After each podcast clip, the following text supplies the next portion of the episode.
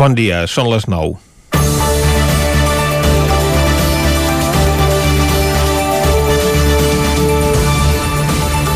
El Festival de Cinema Docs Barcelona es va inaugurar ahir amb un documental de Guille Cascante que també es va poder veure a la nit per TV3 amb el títol de Balandrau Infern glaçat sobre la tragèdia que es va viure en aquest cim del Ripollès on hi van morir 9 persones. És l'episodi més terrible que mai s'ha viscut al Pirineu i el tercer pitjor accident a nivell mundial, producte del vent a les muntanyes, del qual fa 3 anys en va aparèixer un llibre del meteoròleg Jordi Cruz, però que mai havia arribat a la gran pantalla. Els fets van tenir lloc el 30 de desembre de l'any 2000, el dia de cap d'any era dilluns, i molts muntanyencs van decidir aprofitar el cap de setmana per fer una excursió per la neu que havia caigut uns dies abans al Pirineu. Pujar fins als més de 2.500 metres al Balandrau havia de ser un passeig pels que coneixien el camí que hi pujava des de Tregurà. No es tractava de gent inexperta que no anés preparada o que no sabés reaccionar davant de l'imprevist, com tants altres casos ens anem trobant darrerament però el que no havia indicat la previsió meteorològica és que aquell dia es desencadenaria de cop i volta un torb terrible durant més de 12 hores amb velocitats de gairebé 140 km hora i una sensació tèrmica de 30 graus negatius que aixecaria tota la neu dels cims i enterraria els cossos d'una parella que va ser trobada morta a Comodorri i tres excursionistes i quatre esquiadors de muntanya que eren al Balandrau. El relat del documental es focalitza en el testimoni de l'únic que va sobreviure d'aquest últim grup, Josep Maria Vilà, trobat en vida després de dues nits al ras perquè es va recerar l'escletxa d'una roca. També recordaven els fets els altres supervivents que van aconseguir arribar com van poder fins al refugi d'Ull de Ter i van ser els primers en donar l'alarma en un temps on la cobertura de telèfon mòbil era molt precària a la muntanya. En aquell moment, però, ningú no era conscient de la quantitat de persones que van quedar atrapades allà dalt. Un episodi d'aquestes característiques és una trampa mortal fins i tot pels que més coneixen el territori, com li va passar arran d'aquell mateix temporal a un treballador de les pistes de Port Ainé que es va desorientar quan tancaven l'estació. Els cossos van ser trobats entre el 31 de desembre i el 4 de gener, però les tasques de rescat es van perllongar durant més setmanes, perquè el darrer no va aparèixer fins al 24 de març, quan es va fondre la neu. Com no podia ser d'altra manera, l'operatiu de rescat també va tenir la seva derivada política. Al PP el que més el va preocupar és que hi participessin especialistes dels governs francès i andorrà amb els seus respectius helicòpters i no es demanés ajuda a l'exèrcit espanyol o la Guàrdia Civil. Documentals com aquests, fets segurament amb, menys, amb menys mitjans dels desitjats, però amb rigor i precisió, són els que justifiquen el paper d'una televisió pública i els que permeten recordar uns fets dels quals en aquell moment no es va ser conscient de la seva transcendència i es va deixar que el pas del temps enterrés el dolor que havia provocat. Però en un altre lloc i en unes altres circumstàncies ja se n'hagués fet una producció digna de Hollywood que hagués estat un èxit de taquilla. Comencem Territori 17, a la sintonia del 9 FM, Ona Codinenca, Ràdio Cardedeu, La Veu de Sant Joan i el 9 TV. Territori 17, amb Vicenç Vigues i Jordi Sunyer.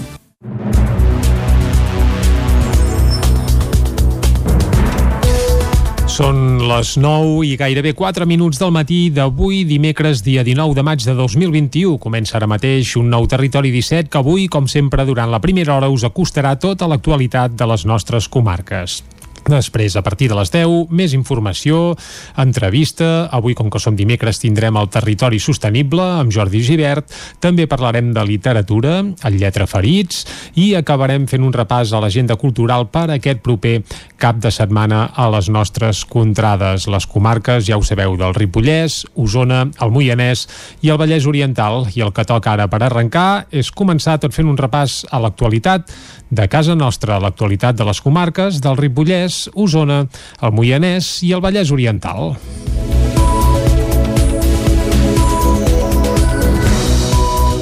Alcaldes i alcaldesses usonencs de partits independentistes coincideixen a afirmar que el pacte entre Esquerra i Junts per formar govern era el més esperable, tot i que apunten que hauria hagut d'arribar abans. I part del tram final de les negociacions, aquest darrer cap de setmana va tenir com a escenari la casa familiar del vicesecretari general de Vertebració Territorial i Partit Obert d'Esquerra Republicana, Isaac Pereira, al Lluçanès. Les peticions que els alcaldes i alcaldesses traslladen al futur executiu també són coincidents. Equitat, prioritat en el repartiment dels recursos de la Generalitat i dels fons europeus en l'etapa de reconstrucció després de la pandèmia de la Covid-19 i que els ajuntaments siguin protagonistes en la gestió del país. Sentim en primer lloc a l'alcalde de Manlleu, Àlex Garrido personalment crec eh, que és una llàstima que, que la CUP no, no hagi entrat també a formar part d'aquest acord de, de govern i, i tampoc els comuns crec que una situació com la que tenim en el país eh, i davant d'unes perspectives que seran dures eh, de reconstrucció eh, post-Covid eh, personalment penso que una acumulació com més gran millor de forces hagués estat el més positiu pel, pel país. L'alcaldessa de Vic, Anna R, espera que el pacte serveixi per avançar cap a la república.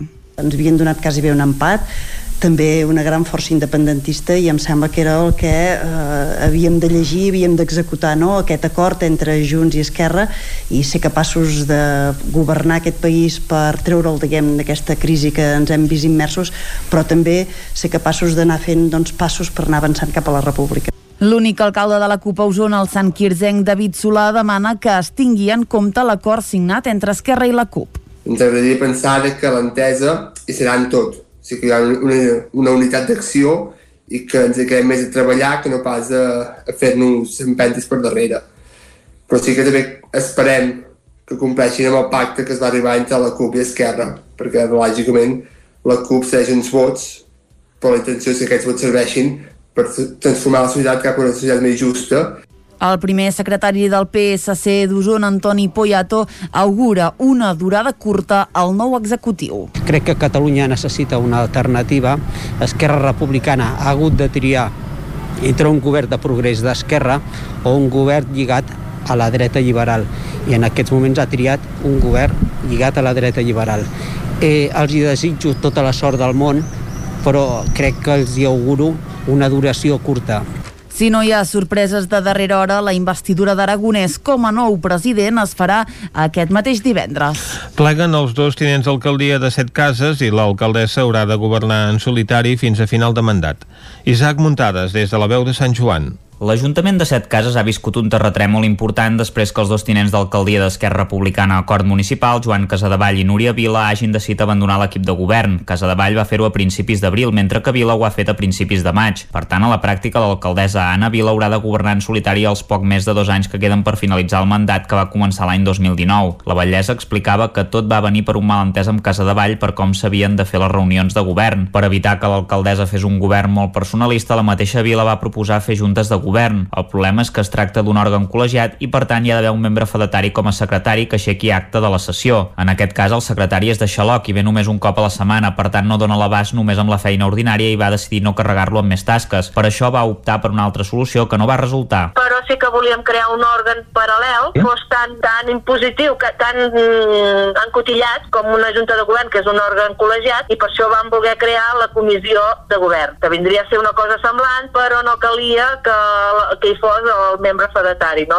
Qualsevol regidor, el secretari administratiu o jo, bueno, qualsevol mateix podia aixecar acte, sense que hi hagués un membre fedatari. Però en el, el dia que volíem passar això pel ple, doncs, bueno, això que de passar, aquest mal entès amb en Joan, en el moment de votar això, doncs es va aixecar i, i va abandonar el ple. Precisament, Vila va decidir retirar el punt de l'ordre del dia per llimar les diferències i que Casa de Valls s'hi sumés més endavant. La voluntat de l'alcaldessa és que els dos edils tornin a l'equip de govern, ja que ara han abandonat la cartera i queden a l'oposició. A més, els plens votaran en funció de les propostes que s'hi facin. Només Francisco Mercè, del PSC, ostenta una regidoria, la d'Agricultura, Ramaderia i Pesca. En canvi, Carlos Fernández, també del PSC, no té cap responsabilitat, ja que la relació amb Vila està trencada des que li van fer una moció de censura el desembre del 2017, perquè llavors la resta de regidors deien que feia un govern personalista i que no se'ls informava de res. D'altra banda, Vila va acusar Fernández de generar més mal a Maró aprofitant el moment. Bueno, jo entenc que és la manera de, de voler aflorar les coses malestants que hi ha a l'Ajuntament per l'equip de... Bueno, per, per l'equip no, per en Carlos Fernández directament, que, que no es vol escampar merda amb un ventilador, per dir-ho malament, i per fer-me mal o fer-me sentir mal atent pressió o així, doncs treu el que pot. I bueno, amb tota la voluntat del món vam fer públic, la, fer una consulta popular de que s'està treballant amb el reglament de l'aigua potable, que tothom que volgués aportar, dir coses, doncs que ara era el moment de, de que es pronunciés i que diguessin coses. No és cap edicte, eh? Vull dir, és una publicació, s'està treballant amb el reglament de l'aigua potable, no és que s'està fent el reglament. Vila va apuntar que això feia 50 anys que s'hauria d'haver fet i, segons deia, Fernández hauria presentat diverses instàncies demanant que retiressin els anuncis fets al portal de transparència en referència al reglament regulador del Servei Públic d'Abastament d'Aigua Potable. Per aquest motiu ha convocat una reunió al poble i va dir que l'alcaldessa no n'havia informat els companys de l'equip de govern. Vila va dir que era totalment fals perquè era un tema que portaven al seu programa electoral i, per tant, tots ho sabien. Els Mossos d'Esquadra busquen un home de 32 anys desaparegut de Castellterçol. Caral Campàs, des d'Ona Codinenca. Durant aquesta nit, un dispositiu format per Mossos d'Esquadra, policia, diverses dotacions de bombers de poblacions de la zona, protecció civil i voluntaris de l'ADF del Moianès estan buscant un home desaparegut a la zona de la via ferrata de les Baumes Corcades, situada entre Centelles i Balanyà. El dispositiu es va activar ahir al matí. Ahir també als vols de les 7 de la tarda, l'àrea de recerca es va ampliar a d'altres municipis com Castellcí. El cos de Mossos d'Esquadra va publicar una fotografia de l'home, que és de Castellterçol, i va fer una crida a la ciutadania per aportar qualsevol informació relacionada amb el desaparegut trucant al 012. A Balanyà és on s'ha instal·lat el centre d'operacions perquè el cotxe del desaparegut es va trobar ahir a la tarda a Centelles, just al costat del municipi. Des de l'Ajuntament de Balanyà es va informar als veïns de la instal·lació d'aquest comandament de recerca a l'edifici del Gra d'Or del municipi. Els alcaldes de Balanyà i de Centelles es van desplaçar a aquest centre d'operacions ahir al vespre per fer seguiment del cas. Els Mossos d'Esquadra no han donat més detalls sobre la investigació i destaquen que la prioritat actual és intentar trobar la persona desapareguda. A més, s'ha demanat a la població de la zona que no facin cerques a títol individual, ja que els dispositius d'emergència són els que coordinen la recerca i remeten a seguir la informació del cas a través dels canals oficials. Ahir al matí la Guàrdia Urbana de Vic va detenir una de les persones que protestaven per l'inici de les obres a la plaça de la Noguera. Al vespre, els concentrats contra les obres van retirar les tanques protectores i les van portar fins les portes de l'Ajuntament de Vic. La Guàrdia Urbana de Vic va detenir ahir al matí a una, a una de les persones que es trobava concentrada a la plaça de la Noguera. La mobilització encapçalada pel col·lectiu Remei Reviu va començar abans d'ahir, poc després que membres de la brigada accedissin a la plaça per començar a desmuntar part del mobiliari mobiliari urbà i a delimitar l'espai que ocuparan els pisos que s'hi projecten. En una assemblea que va comptar amb desenes de persones es va decidir mantenir la mobilització i es van retirar les tanques que delimiten el perímetre. Aquestes tanques es van tornar a col·locar ahir al matí, però al vespre els veïns les van treure de nou i les van deixar a les portes de l'Ajuntament de Vic. Els moments més tensos de la jornada, però s'havien viscut al matí quan la Guàrdia Urbana va desallotjar els manifestants que van mostrar de Resistència Pacífica. Marc Canyelles és membre de Remei Rebeu. La policia ha entrat a dintre i estan dient, diuen que estan vetllant per la seguretat perquè no hi ha cap ordre judicial per fer fora aquestes persones d'una propietat privada, no hi ha cap denúncia del propietari i per tant la policia aquí en aquest cas um, uh, només està, diuen, vetllant per la seguretat de les companyes que estan a dintre perquè la seva funció és que el mobiliari pugui ser tret correctament de, de dintre. A través del compte de Twitter de Remei Reviu, el col·lectiu ha denunciat la força emprada per la policia. L'objectiu de la mobilització, asseguren, és negociar amb els propietaris del terreny. Marc Canyelles.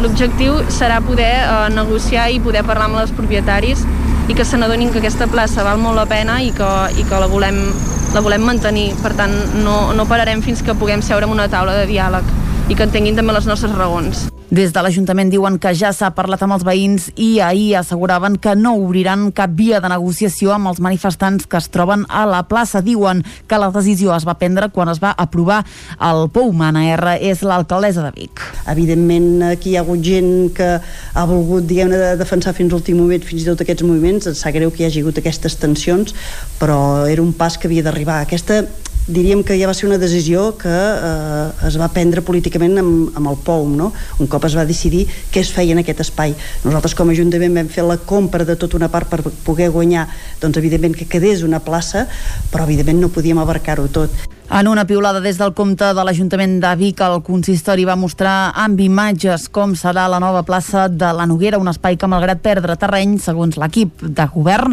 ha de comportar una millora pel barri. Finalment, aquest 2021 hi ha hagut passant dels tres toms.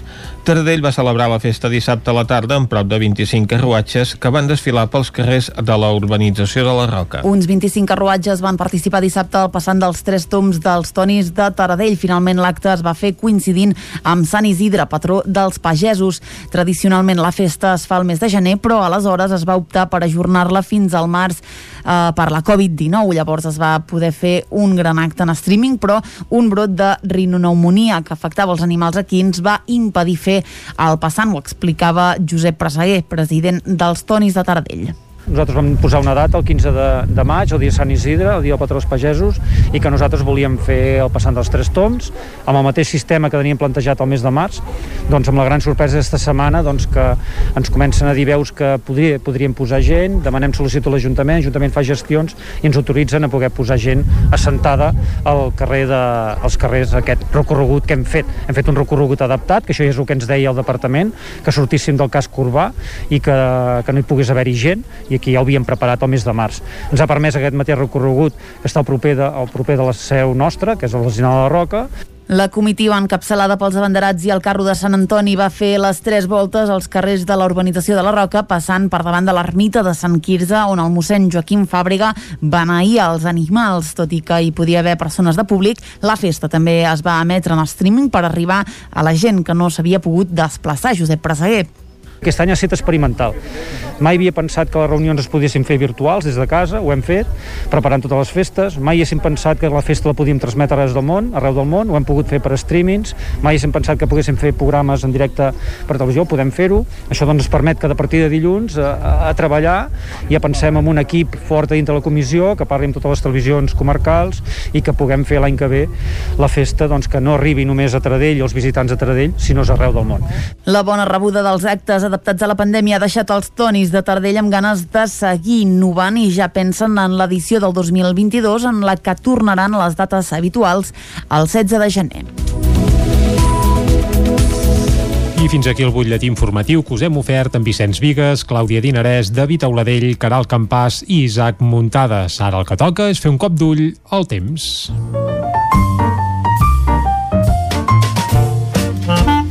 Casa Terradellos us ofereix el temps. I per parlar del temps, el que fem ara mateix és saludar, com sempre, en Pep Acosta. Bon dia, Pep. Hola, molt bon dia. Molt bona hora. Què tal esteu? Bé.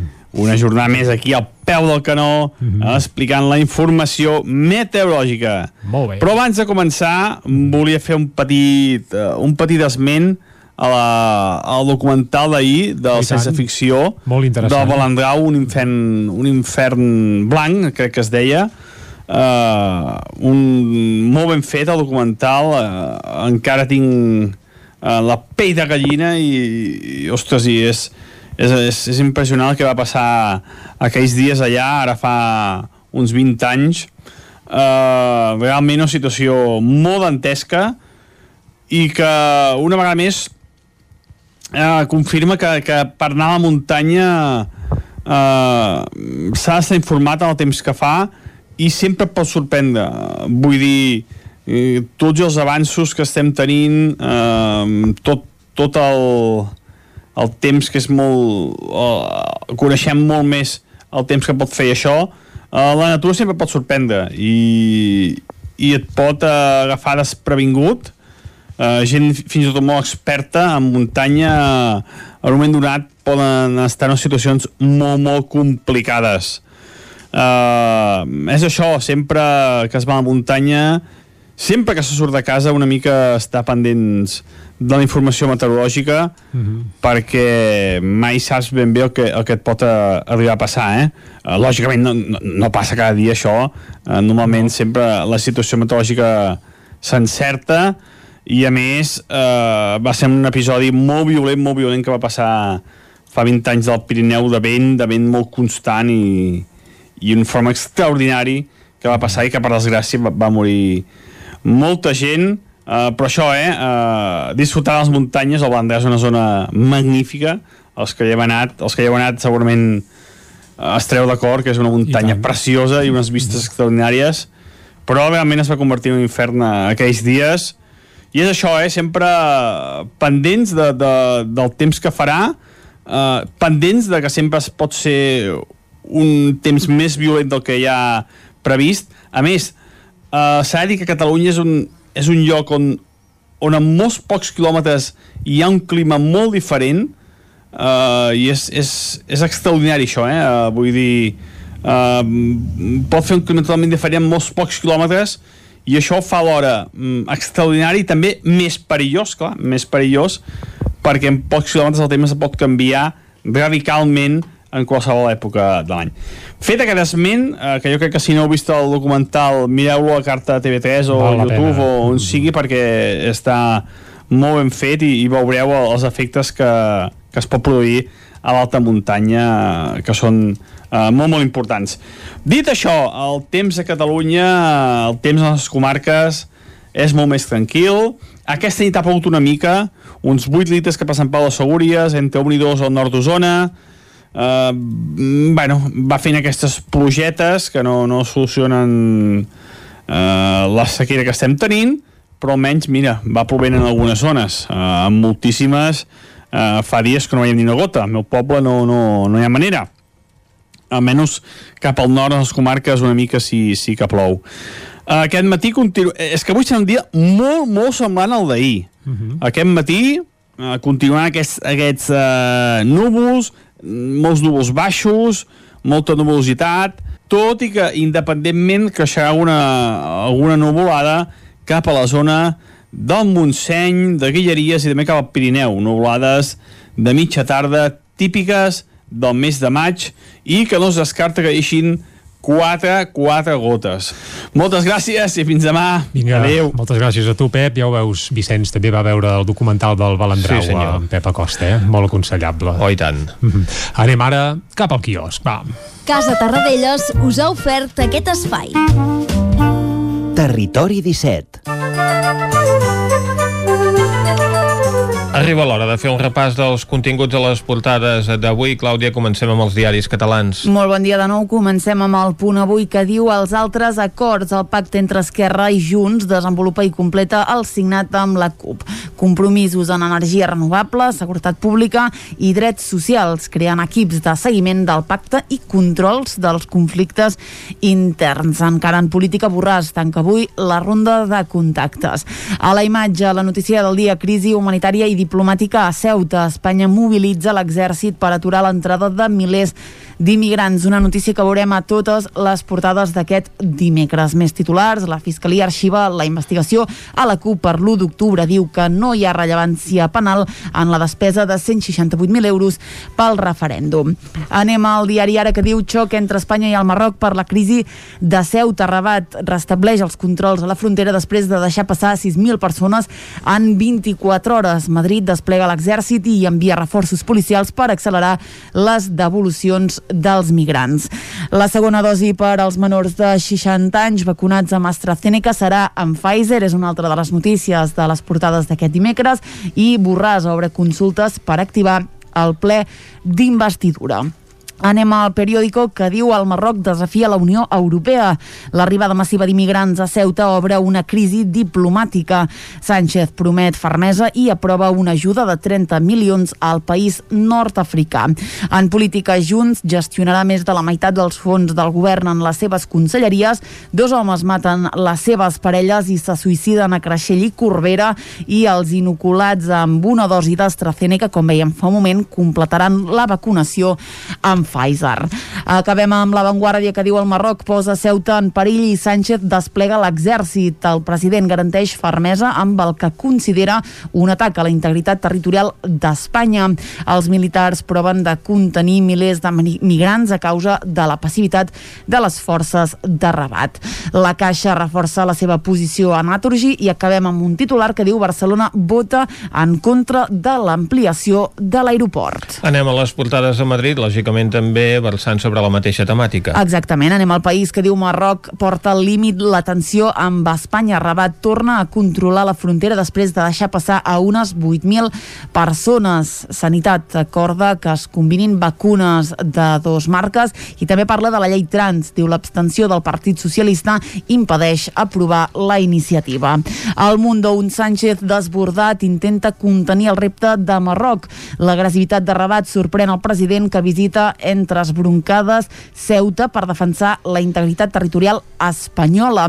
El govern implica el Partit Popular i a la Unió Europea que adverteix de que les fronteres exteriors espanyoles també ho són europees i la policia tem una pagada en la col·laboració antiterrorista a Rabat. Anem a la raó que diu el govern va ignorar els avisos de Marroc pel Polisario. Rabat va fer arribar a través de dos comunicats oficials el seu malestar per l'asil a Espanya del líder saharaui malalt de Covid. Exteriors va intentar amagar-ho i va negociar només amb Argèlia. Acabem amb l'ABC, que també obre amb la crisi migratòria a Ceuta. Diu el govern incapaç de respondre al xantatge de Rabat. L'ambaixadora marroquí repta a la ministra d'Exteriors. Li diu, hi ha actes que tenen conseqüències. Unanimitat a les portades d'avui amb aquesta crisi humanitària que des de fa dos dies està vivint a Ceuta, amb una imatge que veiem repetida a les portades del periòdico i del país d'aquest guàrdia civil que sosté sobre l'aigua i protegit amb un uh, flotador el cos d'un nadó que rescata a prop de la platja de Ceuta, imatges també que veiem de les tanquetes militars controlant aquesta allau migratòria que s'ha produït aquests últims dies Veiem, doncs, que la visió d'aquest conflicte és diferent segons el diari El Mundo que rescata la paraula órdago, fins ara aquest vocable només el, el dedicaven als independentistes catalans, l'ABC parla de xantatge, en canvi el periòdico ho veu com un desafiament, però a la Unió Europea i eh, altres portades com la de l'avantguàrdia que diu que el Marroc posa en perill a Ceuta. Són diferents visions d'un mateix conflicte que és una qüestió delicada que tardarà dies a resoldre i que en aquests moments doncs, capitalitza la política espanyola. Nosaltres ara el que fem és una pausa i tornem d'aquí un moment. El nou FM. El nou FM. Automòbils Pla de Vall. Som una empresa familiar amb 36 anys d'experiència en la compra-venda de cotxes nous, seminous i d'ocasió. Els nostres vehicles són completament revisats abans de la seva entrega al client, amb els manteniments al dia i amb garantia personalitzada. Finançament a mida del client. Vine a Automòbils Pla de Vall i t'assessorarem. Som a la carretera de la Guixa, número 1719 de Vic. Mudances a la carta. Som especialistes en muntatge i desmuntatge de mobles. Oferim servei de guardamobles i fem mudances a tot el territori. Trasllats de pianos i peces delicades i també fem embalatge i protegim. Mudances a la carta. Serveis adaptats a cada client. Ens trobaràs al telèfon 605 04 34 75. Armínia Pineda, tot en tèxtils per a la decoració. T'ajudem a aconseguir l'ambient que tu vulguis. Disposem d'un gran assortit de teles, coixins i roba mida per autocaravanes. Armínia Pineda, som al carrer de la Bòbila número 1 dels Hostalets de Balanya. Can Xalant, moda i complements. Nova temporada primavera-estiu. Moda home-dona, nen-nena, sabates, bosses de mà, maletes, complements i molt més. Vine a veure, ens trobaràs una secció d'ofertes amb roba de la temporada passada a 10 euros i 19 euros. Vine a Can Xalant, ens trobaràs al carrer Sant Tomàs número 6 de Call d'Atenes. També a Instagram i Facebook. A Corretja tenim tot el que necessites per la teva llar. Tot tipus de paviments i revestiments, sistemes d'aïllament, cobertes, parquets, aixetes, ferreteria, pintures, fixació i cargoleria, vestuari i material de seguretat. Disposem de més de 3.500 metres quadrats d'exposició amb una nova zona exterior d'aïllaments. A Corretja som especialistes en cuines i banys. Us assessorem, dissenyem i realitzem el projecte des de l'inici fins a la fi del muntatge. 100% cuines, 100% banys. Al carrer Mas Vigues 8 de Vic, a corretja-sl.com o a Instagram. 100% materials per la construcció i la decoració. 100% corretja. Hi ha sensacions que són úniques. Aquell bany relaxant, mirar per la finestra quan plou i com les calderes Bailand, que li ofereixen fins a 15 anys de cobertura total amb el servei tècnic oficial Bailand. Informis a Oficiat Nord trucant al 93 886 0040. Amb el servei tècnic oficial de Bailand, la seva caldera estarà en les millors mans. Telepizza Vic, vine a descobrir les nostres ofertes. Tots els dimarts ens tornem bojos, pizzas mitjanes a un preu irresistible i tots els dijous, Family Days. Gaudeix tota la setmana del triple de Telepizza per 7 euros amb 25 cèntims cada una si les passes a recollir. Telepizza Vic, som a la carretera de la Guixa, número 12.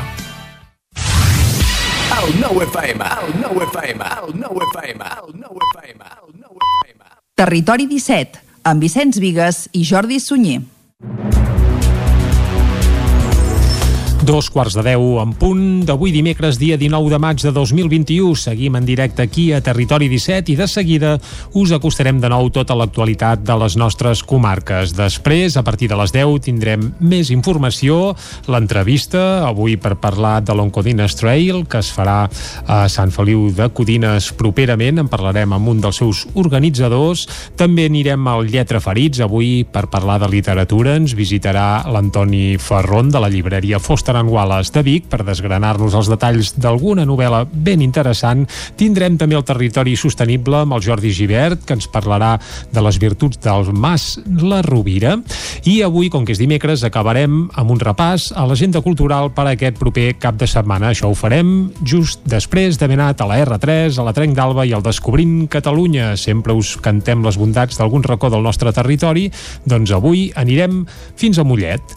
Ara el que toca, però, és acostar-vos de nou l'actualitat de les nostres comarques. Ja ho sabeu, les comarques del Ripollès, Osona, el Moianès i el Vallès Oriental.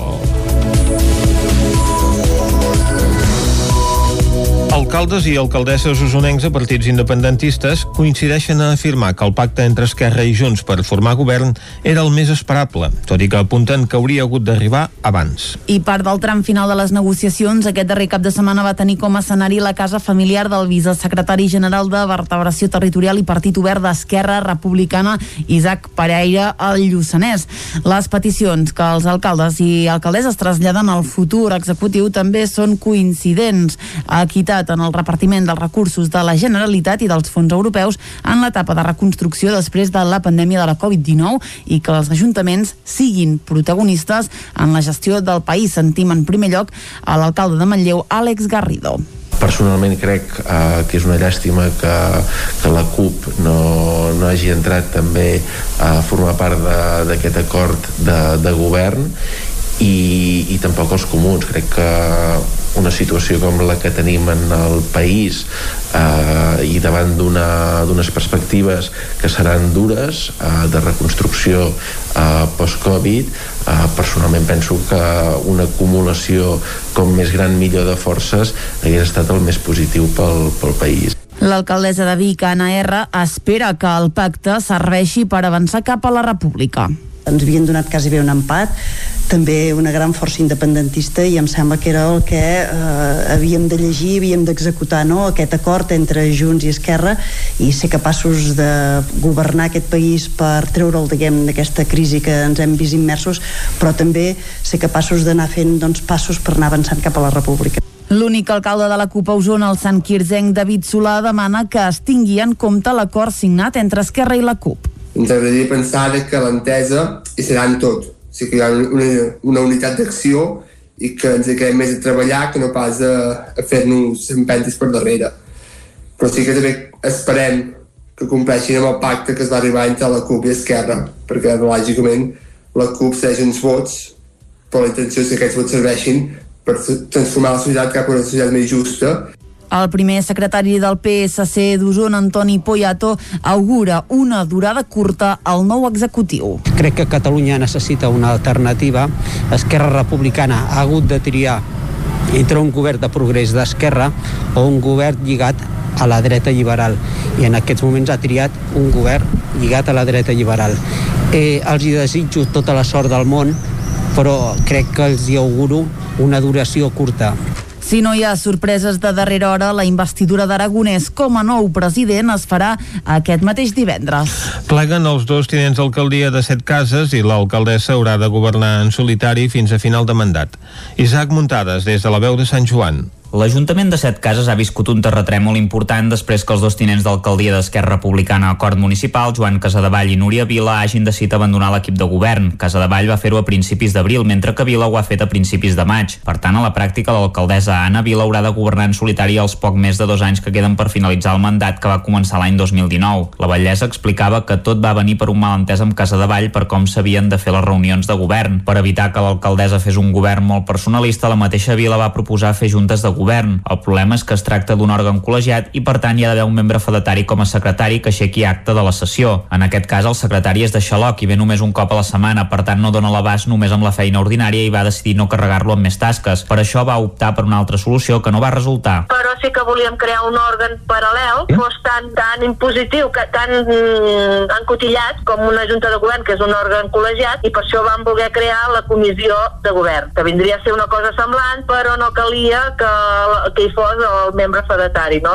Qualsevol regidor, el secretari administratiu o jo, bueno, qualsevol mateix podia aixecar acte, sense que hi hagués un membre fedatari. Però en el, el dia que volíem passar això pel ple, doncs, bueno, això que va de passar, aquest malentès amb en Joan, en el moment de votar això, doncs es va aixecar i, i va abandonar el ple. Precisament, Vila va decidir retirar el punt de l'ordre del dia per llimar les diferències i que Casa de Valls s'hi sumés més endavant. La voluntat de l'alcaldessa és que els dos edils tornin a l'equip de govern, ja que ara han abandonat la cartera i queden a l'oposició. A més, els plens votaran en funció de les propostes que s'hi facin. Només Francisco Mercè, del PSC, ostenta una regidoria, la d'Agricultura, Ramaderia i Pesca. En canvi, Carlos Fernández, també del PSC, no té cap responsabilitat, ja que la relació amb Vila està trencada des que li van fer una moció de censura el desembre del 2017, perquè llavors la resta de regidors deien que feia un govern personalista i que no se'ls informava de res. D'altra banda, Vila va acusar Fernández de generar més mala maró aprofitant el moment. Bueno, jo entenc que és la manera de, de voler aflorar les coses malestants que hi ha a l'Ajuntament per l'equip de... Bueno, per, per l'equip no, per en Carlos Fernández directament, que, que no es vol escampar merda amb un ventilador, per dir-ho malament, i per fer-me mal o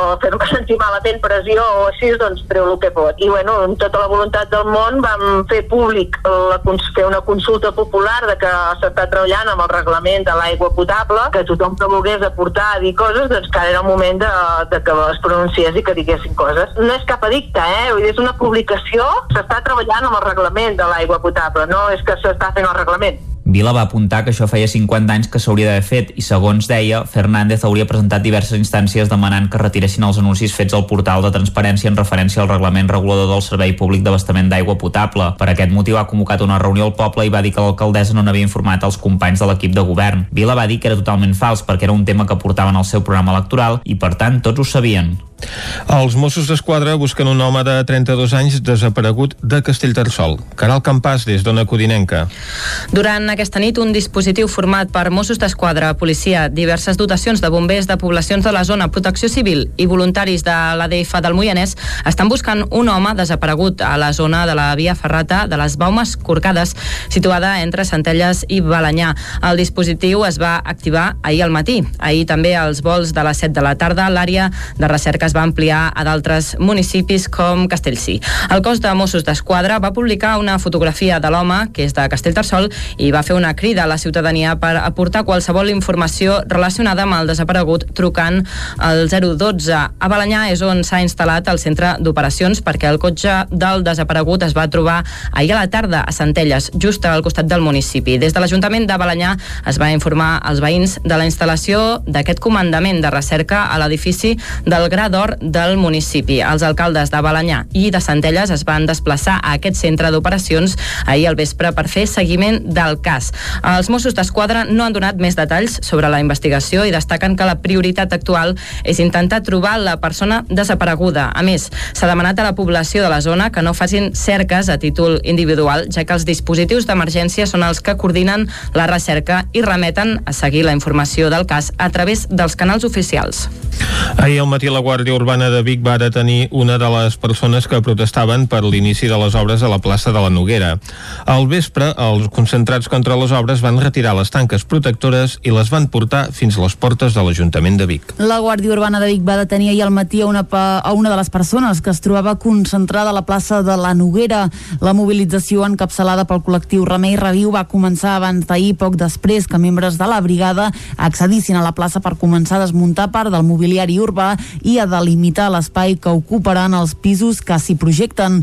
En una assemblea que va comptar amb desenes de persones es va decidir mantenir la mobilització i es van retirar les tanques que delimiten el perímetre. Aquestes tanques es van tornar a col·locar ahir al matí, però al vespre els veïns les van treure de nou i les van deixar a les portes de l'Ajuntament de Vic. Els moments més tensos de la jornada, però s'havien viscut al matí quan la Guàrdia Urbana va desallotjar els manifestants que van mostrar resistència pacífica. Marc Canyelles és membre de Remei Rebeu.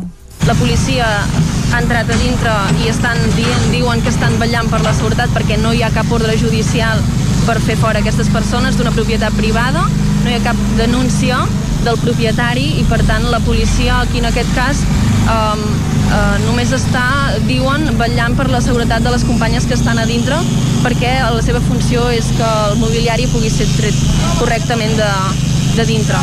A través del compte de Twitter de Remei Reviu, el col·lectiu ha denunciat la força emprada per la policia. L'objectiu de la mobilització, asseguren, és negociar amb els propietaris del terreny. Marc Canyelles. L'objectiu serà poder eh, negociar i poder parlar amb els propietaris i que se n'adonin que aquesta plaça val molt la pena i que, i que la, volem, la volem mantenir. Per tant, no, no pararem fins que puguem seure en una taula de diàleg i que entenguin també les nostres raons. Des de l'Ajuntament diuen que ja s'ha parlat amb els veïns i ahir asseguraven que no obriran cap via de negociació amb els manifestants que es troben a la plaça. Diuen que la decisió es va prendre quan es va aprovar el POU. Mana R és l'alcaldessa de Vic. Evidentment, aquí hi ha hagut gent que ha volgut, diguem de defensar fins a l'últim moment, fins i tot aquests moviments. Ens sap greu que hi hagi hagut aquestes tensions, però era un pas que havia d'arribar. Aquesta diríem que ja va ser una decisió que eh, es va prendre políticament amb, amb el POUM, no? un cop es va decidir què es feia en aquest espai. Nosaltres com a Ajuntament vam fer la compra de tota una part per poder guanyar, doncs evidentment que quedés una plaça, però evidentment no podíem abarcar-ho tot. En una piulada des del compte de l'Ajuntament de Vic, el consistori va mostrar amb imatges com serà la nova plaça de la Noguera, un espai que malgrat perdre terreny, segons l'equip de govern, ha de comportar una millora pel barri. Finalment, aquest 2021 hi ha hagut passant dels tres toms. Taradell va celebrar la festa dissabte a la tarda amb prop de 25 carruatges que van desfilar pels carrers de la urbanització de la Roca. Uns 25 carruatges van participar dissabte al passant dels tres toms dels tonis de Taradell. Finalment l'acte es va fer coincidint amb Sant Isidre, patró dels pagesos. Tradicionalment la festa es fa el mes de gener, però aleshores es va optar per ajornar-la fins al març eh, per la Covid-19. Llavors es va poder fer un gran acte en streaming, però un brot de rinonemonia que afectava els animals equins va impedir fer el passant, ho explicava Josep Presseguer, president dels Tonis de Taradell. Nosaltres vam posar una data, el 15 de, de maig, el dia Sant Isidre, el dia del patró dels pagesos, i que nosaltres volíem fer el passant dels tres toms, amb el mateix sistema que teníem plantejat el mes de març, doncs amb la gran sorpresa d'esta setmana doncs que ens comencen a dir veus que podria, podríem posar gent, demanem sol·licitud a l'Ajuntament, l'Ajuntament fa gestions i ens autoritzen a poder posar gent assentada al carrer de, als carrers aquest recorregut que hem fet. Hem fet un recorregut adaptat, que això és el que ens deia el departament, que sortíssim del casc urbà i que, que no hi pogués haver-hi gent, i aquí ja ho havíem preparat el mes de març. Ens ha permès aquest mateix recorregut que està al proper de, al proper de la seu nostra, que és el Resinal de la Roca, la comitiva encapçalada pels abanderats i el carro de Sant Antoni va fer les tres voltes als carrers de la urbanització de la Roca, passant per davant de l'ermita de Sant Quirze, on el mossèn Joaquim Fàbrega beneïa els animals. Tot i que hi podia haver persones de públic, la festa també es va emetre en streaming per arribar a la gent que no s'havia pogut desplaçar. Josep Presseguer. Aquest any ha estat experimental. Mai havia pensat que les reunions es poguessin fer virtuals des de casa, ho hem fet, preparant totes les festes. Mai haguéssim pensat que la festa la podíem transmetre arreu del món, arreu del món, ho hem pogut fer per streamings. Mai haguéssim pensat que poguéssim fer programes en directe per televisió, podem fer-ho. Això doncs ens permet que de partir de dilluns a, a, a treballar ja pensem en un equip fort dintre la comissió, que parli amb totes les televisions comarcals i que puguem fer l'any que ve la festa doncs, que no arribi només a Taradell i els visitants de Taradell, sinó arreu del món. La bona rebuda dels actes adaptats a la pandèmia ha deixat els tonis de Tardell amb ganes de seguir innovant i ja pensen en l'edició del 2022 en la que tornaran les dates habituals el 16 de gener. I fins aquí el butlletí informatiu que us hem ofert amb Vicenç Vigues, Clàudia Dinarès, David Auladell, Caral Campàs i Isaac Muntades. Ara el que toca és fer un cop d'ull al temps.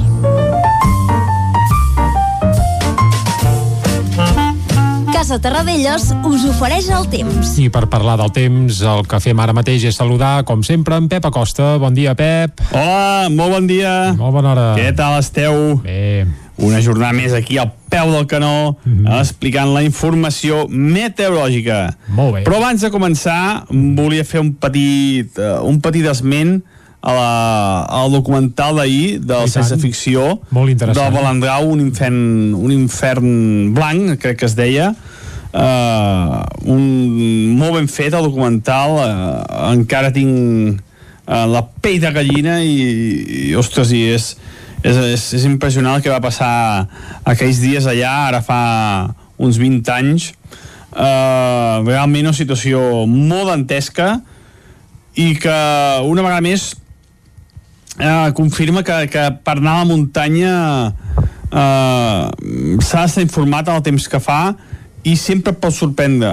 Vull dir eh, tots els avanços que estem tenint eh, tot, tot el, el temps que és molt eh, coneixem molt més el temps que pot fer això eh, la natura sempre pot sorprendre i, i et pot eh, agafar desprevingut. Eh, gent fins i tot molt experta en muntanya eh, en un moment donat poden estar en situacions molt molt complicades eh, és això sempre que es va a la muntanya sempre que se surt de casa una mica està pendents de la informació meteorològica perquè mai saps ben bé el que, el que et pot eh, arribar a passar eh? Eh, lògicament no, no, no passa cada dia això. Normalment sempre la situació meteorològica s'encerta. I a més eh, va ser un episodi molt violent, molt violent que va passar fa 20 anys del Pirineu de vent, de vent molt constant i, i un forma extraordinari que va passar i que per desgràcia va, va morir molta gent. Eh, però això, eh, eh disfrutar les muntanyes, el Balandès és una zona magnífica, els que hi hem anat els que hi heu anat segurament eh, estareu d'acord que és una muntanya preciosa i unes vistes extraordinàries. Però realment es va convertir en un infern aquells dies.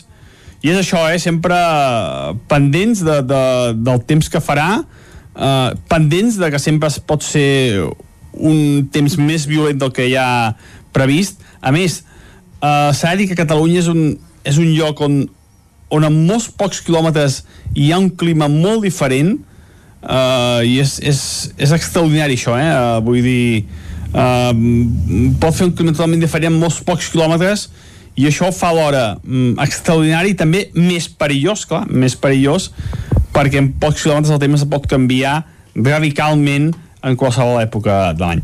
Fet aquest esment, eh, que jo crec que si no heu vist el documental, mireu-lo a carta TV3 o Val YouTube pena. o on sigui perquè està molt ben fet i, i veureu els efectes que, que es pot produir a l'alta muntanya eh, que són eh, molt molt importants.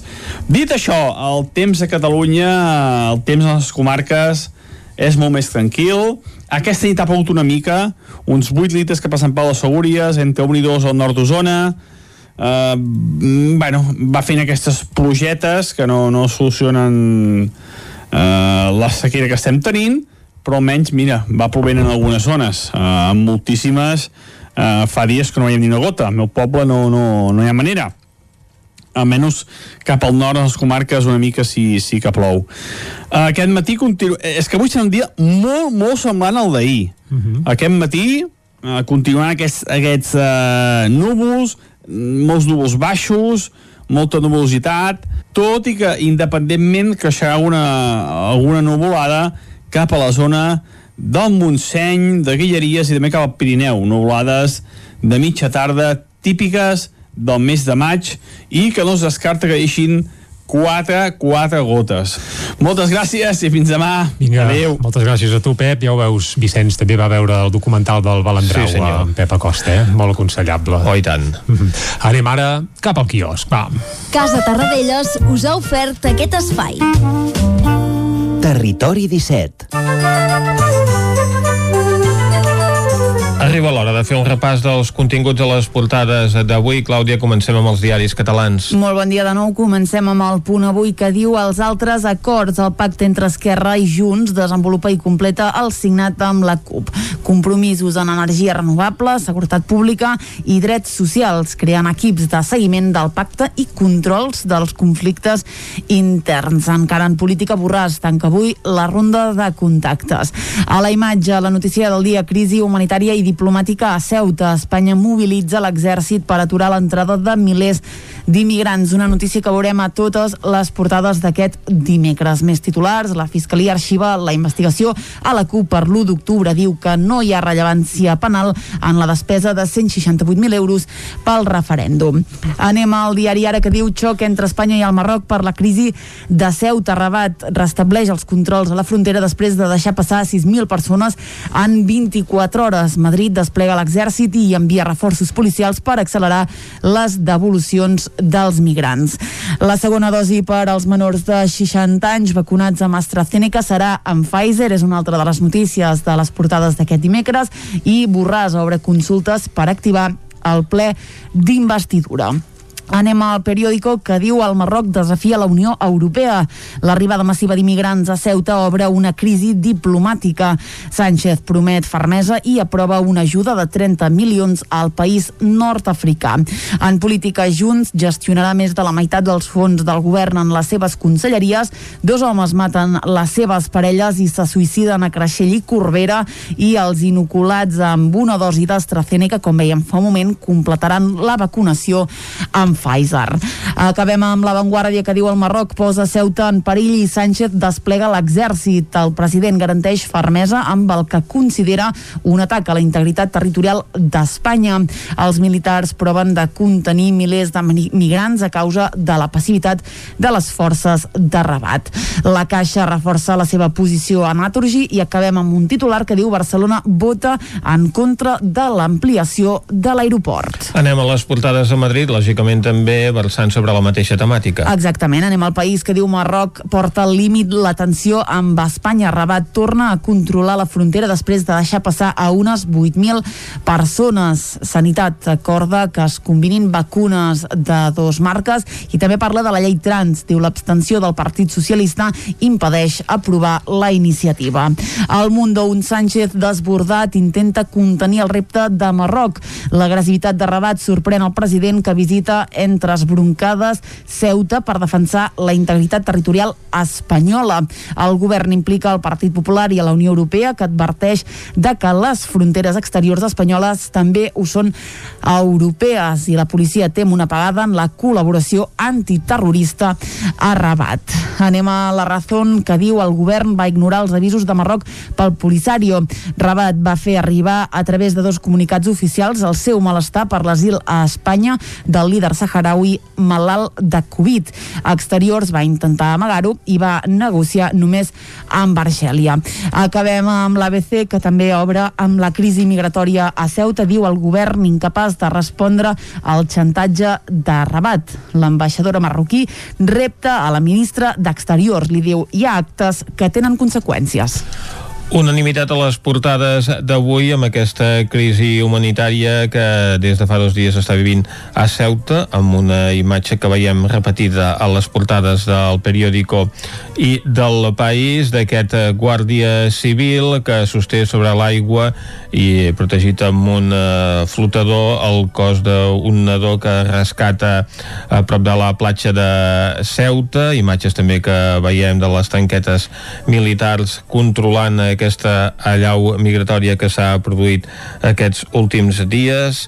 Veiem doncs que la visió d'aquest conflicte és diferent segons el diari El Mundo que rescata la paraula órdago, fins ara aquest vocable només el, el dedicaven els independentistes catalans, l'ABC parla de xantatge, en canvi el periòdico ho veu com un desafiament, però a la Unió Europea i eh, altres portades com la de la Vanguardia que diu que el Marroc posa en perill a Ceuta.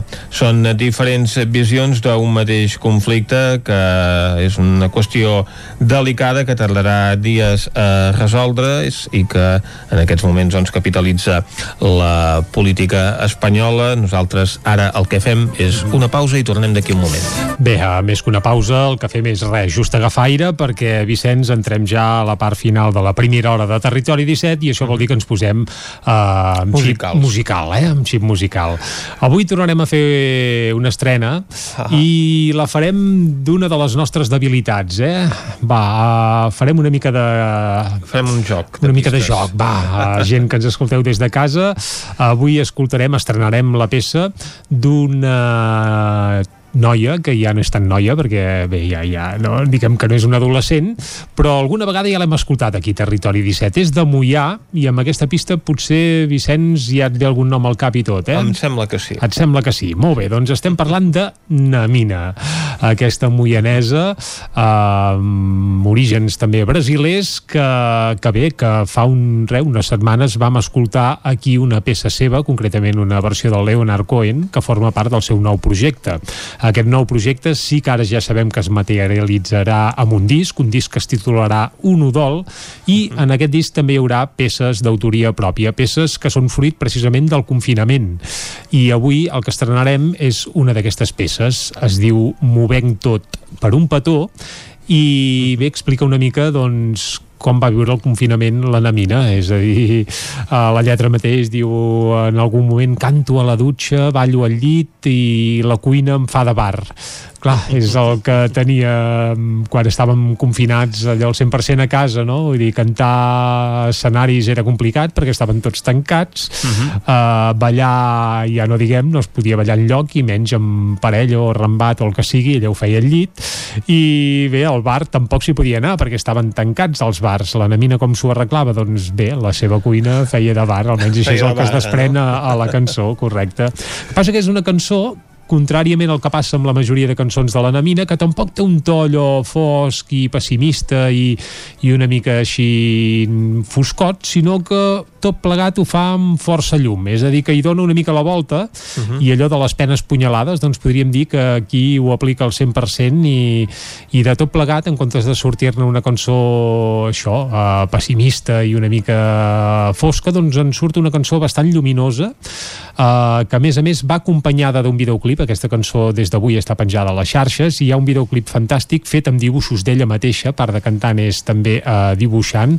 i la veritat és que ho fa molt i molt bé i per tant recomanem que si podeu aneu al YouTube i poseu això, movent tot per un petó una peça amb lletra i il·lustracions, en el cas del videoclip de la Namina, i música del Pep Gol, que també hi fa d'instrumentista és aquest conegut trompetista però també multiinstrumentista que acompanya últimament a la Namina. Escoltem aquesta peça que ja està sonant de fons, movent tot per un petó i amb això arribarem aquí a Territori 17 fins al punt de les 10.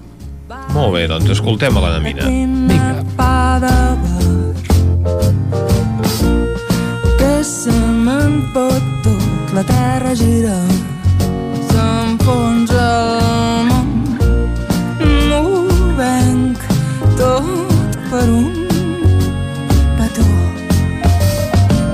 m'abraço al coixí un apetit mort per poder dormir i somiar fort que això s'arregla que l'amor cura. Em buscaré la sort que se me'n fot tot. La terra gira s'enfonsa el món. Mm, venc tot per un petó. Clos, corc, sac, suc, sec, tallat, carretera, pedaç d'ensenya, paper d'estrassa, xurros, obra d'art. Que se me'n fot tot la terra gira, s'enfonsa el món.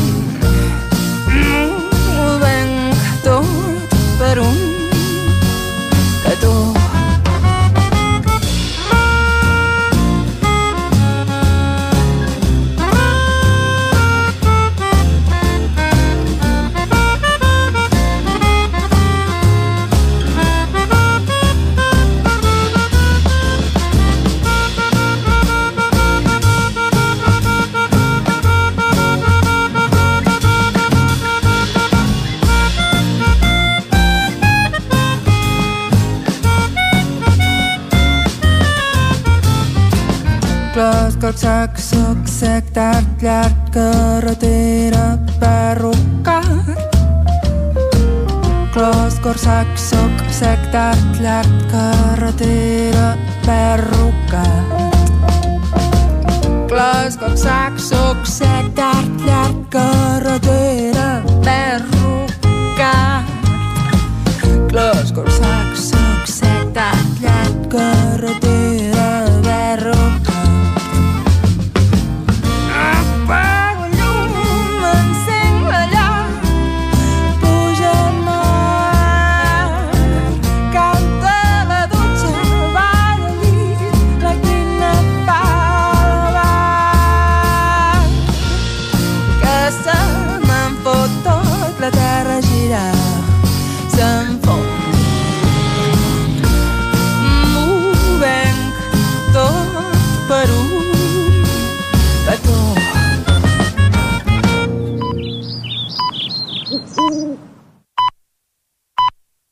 De les nostres comarques, les comarques del Ripollès, Osona, el Moianès i el Vallès Oriental.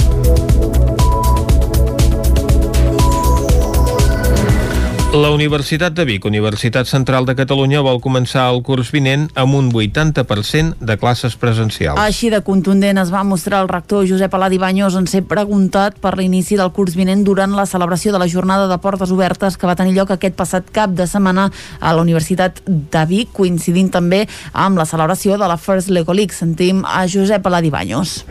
Estem negociant amb Sanitat la possibilitat de que en el mes de setembre hi hagi la màxima presencialitat possible i que aquesta no sigui inferior al 80%. Que a més a més es puguin reduir les distàncies, naturalment hi haurà mesures com a mínim els primers mesos de mascaretes, ventilació, etc. Però no sabrem res fins a finals d'aquest mes o principis del mes vinent amb certesa de com aniran les coses. Però tal com van les dades, tal com hi ha el descens de contagis, tal com hi ha l'augment de vacunació, mm, és molt probable que el curs vinent comenci quasi normal. Com sentíem, el rector assegura que si de cara al mes de setembre les dades de vacunació i el descens de contagis es mantenen, la universitat podria recuperar en gran part la normalitat. La campanya Let's Clean Up Europe recull 260 quilos de residus dels rius de Ripoll. Isaac Muntades, des de la veu de Sant Joan. Aquest passat dissabte, el Ripollès es va sumar a la campanya internacional de neteja d'espais natural Let's Clean Up Europe per tal de contribuir a la conservació dels rius i del medi ambient. El president del Consell Comarcal del Ripollès, Joaquim Colomer, va explicar per què havia de servir l'activitat i a quin públic anava dirigida. Tothom es va trobant aquestes coses, aquests objectes, i per tant tothom en va agafant més consciència de lo que anem tirant a fora de lloc. I per tant, aquesta activitat el que pretén doncs, és ser conscienciadora i d'alguna banda també doncs, que ajudi a tindre doncs, els nostres entorns més nets i més agradables. Sí, bàsicament això no ha sigut una activitat oberta a tothom, sinó ha sigut una activitat doncs, centrada conjuntament doncs, amb l'IES Abat Oliva. Al tindre doncs, hi ha més de 100 alumnes disposats doncs, a fer eh, aquesta espècie de crèdit de síntesi i per tant aquesta activitat vàrem dir doncs, que amb les mesures aquestes de Covid no era bo doncs, obrir-ho més, sinó que centrar-nos únicament amb l'IES Abat Oliva. Tot i això doncs, s'han fet fins a quatre grups, quatre grups que s'han distribuït doncs, eh, aquí al terme municipal doncs, de Ripoll. Concretament ara mateix estem en aquest espai de custòdia del Consorci del Ter, un espai doncs, que des del Consorci del Ter es cuida i es torna doncs, eh, amb la naturalitat que li pertoca i per tant doncs, aquest és l'espai on farem especial èmfasi. Tal com explicava el president de l'ENS, aquesta activitat havia de servir per conscienciar els adolescents i concretament estava dirigida als alumnes de tercer d'ESO de l'Institut Abat Oliva de Ripoll en el marc del treball de síntesi. L'activitat la coordinava el Consell Comarcal, l'Ajuntament, el Consorci del Ter i també comptava amb la col·laboració de Protecció Civil, la Creu Roja de Ripoll i amb el suport de l'Agència de Residus de Catalunya, que coordinava l'acció en clau nacional i va facilitar les bosses, els sacs i els guants per fer la recollida. Aquesta activitat s'havia d'haver fet el mes de març de l'any 2020, però l'esclat de la pandèmia va obligar a suspendre-la perquè just aquell cap de setmana es va decretar el primer confinament domiciliari. Així doncs, prop d'un centenar d'alumnes van netejar els terrenys en custòdia del Consorci del Ter a la comarca, que estan ubicats a la zona del Roig, a més dels espais fluvials de la Font del Tòtil, Canguetes i la Devesa del Pla. En aquests quatre punts, el Consell ja ha instal·lat contenidors per compilar els residus en funció de la fracció. Quan l'empresa concessionària va haver recollit i revisat totes les deixalles, es va informar que s'havien acumulat 260 quilos de residus dels rius, dels quals n'hi havia 140 que eren de ferralla i 120 de residus de diversos tipus que es tractaran com a rebuig. La ferralla es va traslladar a la deixalleria de Ripoll perquè es pogués destriar i reciclar, mentre que el rebuig es portarà al Centre de Tractament de Residus Municipals d'Osona i el Ripollès, ubicat a Orís. L'acció del Let's Clean Up Europe es du a terme a tota la Unió Europea per conscienciar sobre la quantitat de residus que es llancen a la natura i que després vol promoure la sensibilització a través de la recollida d'aquestes deixalles abocades il·legalment en boscos, platges, marges o rius. En principi, arreu de Catalunya la campanya es va fer entre els dies 7 i 9 de maig, però per no coincidir amb alguns actes de la Festa Major de Sant Eudal es va retardar una setmana. Una campanya de micromecenatge fa possible la primera Fira del Lleure del Moianès. Caral Campàs, des d'Ona Codinenca. Un grup de joves està impulsant la primera fira del lleure del Moianès després de la consecució d'una campanya de micromecenatge que ha permès al col·lectiu Gatzara fer realitat la proposta. La campanya de micromecenatge ha recollit 6.500 euros gràcies a l'aportació de 91 mecenes. El proper 5 de juny, Moià acollirà l'Esbramec, considerada la primera fira del lleure de la comarca. Darrere de la iniciativa hi ha quatre joves que van decidir fer un pas endavant per reivindicar les necessitats del lleure i més en un context com l'actual. Així ho explica Lluís Cascales, un dels joves impulsors. temps que feia falta, un lloc de trobada No tenim el tall. La fira tindrà lloc al Parc Municipal Francesc Vinyes i inclourà tallers i música per a totes les edats. Dels concerts confirmats destaca Miops, que s'encarregarà de l'obertura de la festa i el grup de música familiar Xiula, que posarà el punt i final. Darrere de tot plegat hi ha el col·lectiu Gatzara, creat un mes abans de la pandèmia, al febrer de 2020. Són el Lluís Cascales, l'Oriol Torres, la Laura Vives i en Marc Gallifa, quatre joves del Moianès que van pensar en dur a terme aquesta proposta per sublir la desaparició de l'entitat mítica del lleure de la comarca. Entrades exaurides a la quarta edició del Festival Encanta, que durant el cap de setmana va aportar una dotzena de cantautors a Roda de Ter. La programació, cuidada i la voluntat de descobrir nous escenaris són els punts forts d'aquest festival cada cop més consolidat. La quarta edició del Festival Encanta de Roda de Ter va ser tot un èxit. La programació, cuidada amb nous talents i la voluntat de descobrir nous escenaris a la gent de Roda i als veïns que els visiten de fora els ha consolidat com un festival amb molt de potencial. Roger Canadell és el regidor de Cultura de Roda de Ter.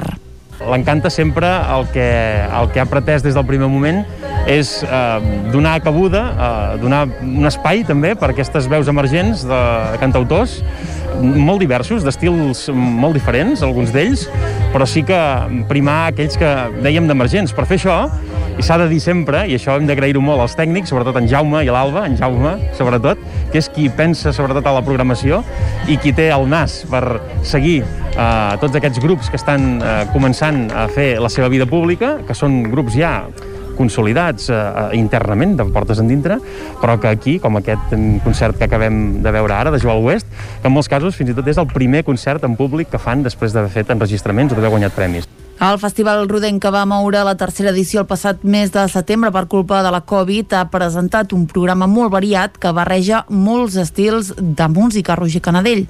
Aquest any vam decidir, sens dubte, ja fa molt de temps, perquè la programació venia feta de molt de temps, que intentaríem, si no hi havia impediments, fer l'encanta com l'estem fent ara, al mes de maig, i les mesures eh, hi han acompanyat. De fet, mantenim les mateixes mesures que l'any anterior, amb limitacions d'aforament, amb controls, però la veritat és que l'èxit és total. Acabem de saber que hem venut ja totes les entrades de tots els concerts. Les veus consolidades de Gemma Humet, Pau Alabajos, Alba Carmona o Maria Jaume es van combinant la programació amb els projectes nous d'artistes com Les Cruet, Ariana Becassis o Jordi Serradell, tots ells cantautors que encaixen de ple amb l'essència de l'encanta. Enric Godó de Call d'Atenes ha presentat el seu primer llibre. Es titula 39 dies per salvar el món i és una ficció humorística ambientada en la pandèmia de Covid-19. Durant el confinament, Enric Godó va escriure un relat ambientat en la pandèmia de Covid-19, un llibre de ficció humorística que no deixa de banda la por i la incertesa reals de les primeres setmanes de la crisi sanitària, però que també té de protagonista el papa Francesc en una missió secreta. 39 dies per salvar el món, que es presentava divendres amb teatralització inclosa inclosa, l'Auditori Teatre de Call d'Atenes s'ha acabat convertint en el debut literari de Codó. Ell mateix ens n'explicava els detalls. És un llibre de ficció humorística que es va escriure durant el confinament i, i el curiós és que es gesta en molts llocs de tot el món, la Polinèsia, el Canadà, el Vaticà, Però acaba confluint primer a Cai d'Atenes i des d'aquí inici, inicien un viatge uh, una mica surrealista fins a lo que és Molló. Godó, que s'havia dedicat durant anys a la ràdio i que actualment és regidor de Comerç i Mercat de l'Ajuntament de Call d'Atenes com a representant de Poble en Marxa, ja està escrivint un segon llibre. Sí, de fet, quasi bé m'estan exigint que, que hi hagi, amb aquest mateix sentit de l'humor que té el llibre, no? doncs que hi hagi, si no una segona part, uh, un llibre que, que segueixi les passes. I, i, uh, i s'està escrivint, s'està escrivint. Un cop acabada la presentació, l'autor va assignar exemplars del llibre als assistents. Dissabte passat, l'escriptora Carla de Huenca Alba Dalmau va presentar la seva darrera novel·la, Amor i no, els vermuts del Tarambana. La novel·la explora una relació poc convencional entre una catalana i un suec. David Oladell, de Ràdio Televisió Cardedeu. Ens situem a Roma el 1987. Les ruïnes de la ciutat italiana són a dins i fora de l'autobús que va de l'aeroport de Fuimissino al centre cità. La Carme hi viatja per comunicar a la seva parella del moment, l'Ingi, que vol que ho deixin córrer. Després de passar una última nit junts, ella, que té 25 anys, tornarà a Barcelona, a la seva ciutat, i ell, que en té 27, farà el mateix poc després, però instal·lant-se a casa de la germana, a Estocolm. Així comença Amor i no, el cinquè llibre d'Alba Dalmau, que la confirma com una de les veus imprescindibles de la literatura catalana actual actual. L'estil sobri i el do per posar al lloc adequat observacions il·luminadores ressegueixen en aquest cas les vides dels dos protagonistes després de fracassar com a parella. Alba Dalmau, escriptora. Sorgia molt la idea de, de la imatge que, que ens fem d'una exparella o, o, que, o que et diuen que s'ha de tenir amb una exparella, no? Les pel·lícules romàntiques sempre les exparelles són algú a qui has d'odiar, no? Segurament, o, o que tot ha d'anar malament I, i a vegades les imatges que veus a les pel·lícules, els tòpics dius, ostres, però si, si no té res a veure no? amb, amb la meva realitat. Amorino es va presentar dins dels vermuts literaris organitzats per la periodista Clara Martínez Clavell, la llibreria El Compàs i la cantant d'òpera Helena Celaya. Alba Dalmau. Volia que hi hagués algun element que, que fos més aliè als lectors, no? I al món de, de l'òpera, doncs sí que hi ha molta gent que li agrada, però no és una cosa tan convencional com tenir una, una relació de parella, no? I, i jo no n'era una experta, ni ho sóc ara, però en sé una mica més i és perquè vaig dir, val, vull obrir aquesta porta, no? Vull, vull descobrir coses, vull aprendre coses i escriure una novel·la és un, és un camí d'aprenentatge increïble, no? Perquè si hagués decidit que, que serien bussejadors professionals, ara seria una mica experta en, en busseig, no? El proper vermut literari al Tarambana es farà dissabte 5 de juny amb l'Albert Tom com a convidat. I fins aquí el butlletí informatiu de les 10 del matí que us hem ofert amb Vicenç Vigues, Clàudia Dinarès, David Auladell, Caral Campàs i Isaac Muntades. I ara abans d'anar cap a l'entrevista per parlar de l'Oncodines Trail, el que farem és refrescar, refrescar la informació meteorològica, com sempre ho farem, de la mà d'en Pep Acosta.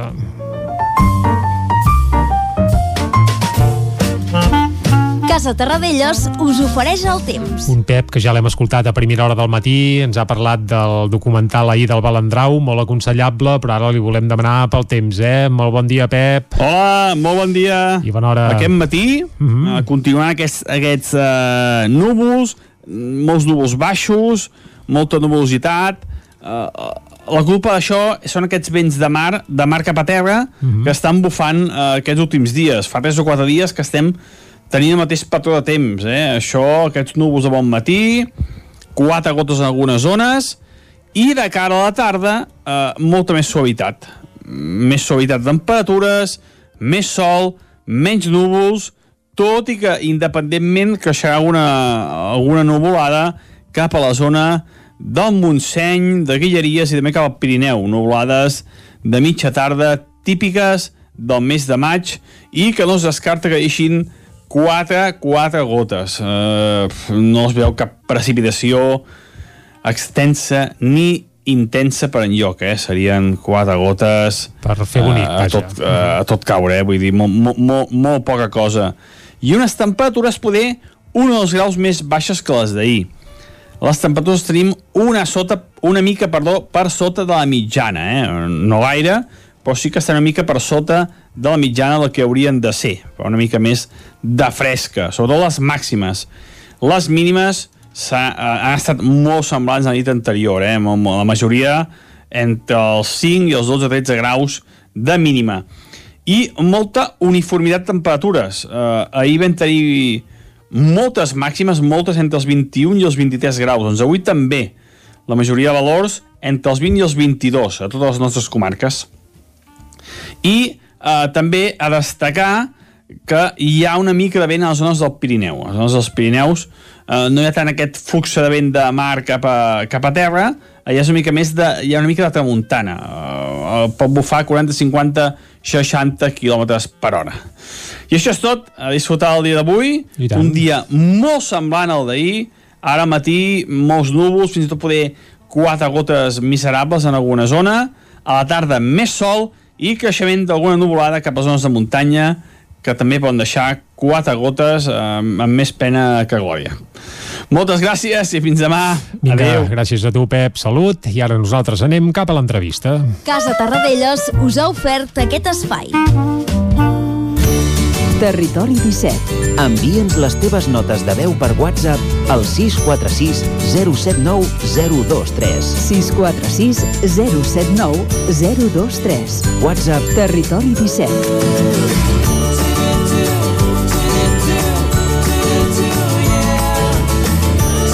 Territori 17. Som a Facebook, Twitter i Instagram amb l'usuari Territori 17.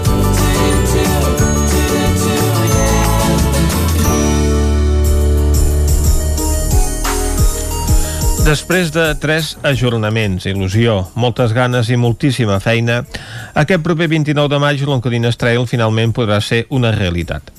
Tot i la dilatació en el temps a la data de la prova esportiva i solidària, dels 113 equips inicials un centenar hi participaran finalment. Una xifra gens menyspreable. A més, l'objectiu final de la prova, a banda de completar la cursa, és recaptar finançament a través de les donacions als equips per destinar-lo íntegrament a la Fundació, Fundació Oncovallès. Anem cap a una codinenca per conèixer més detalls a la cursa. Caral Campàs, amb quina xifra de donacions ha arribat l'Oncodines Trail?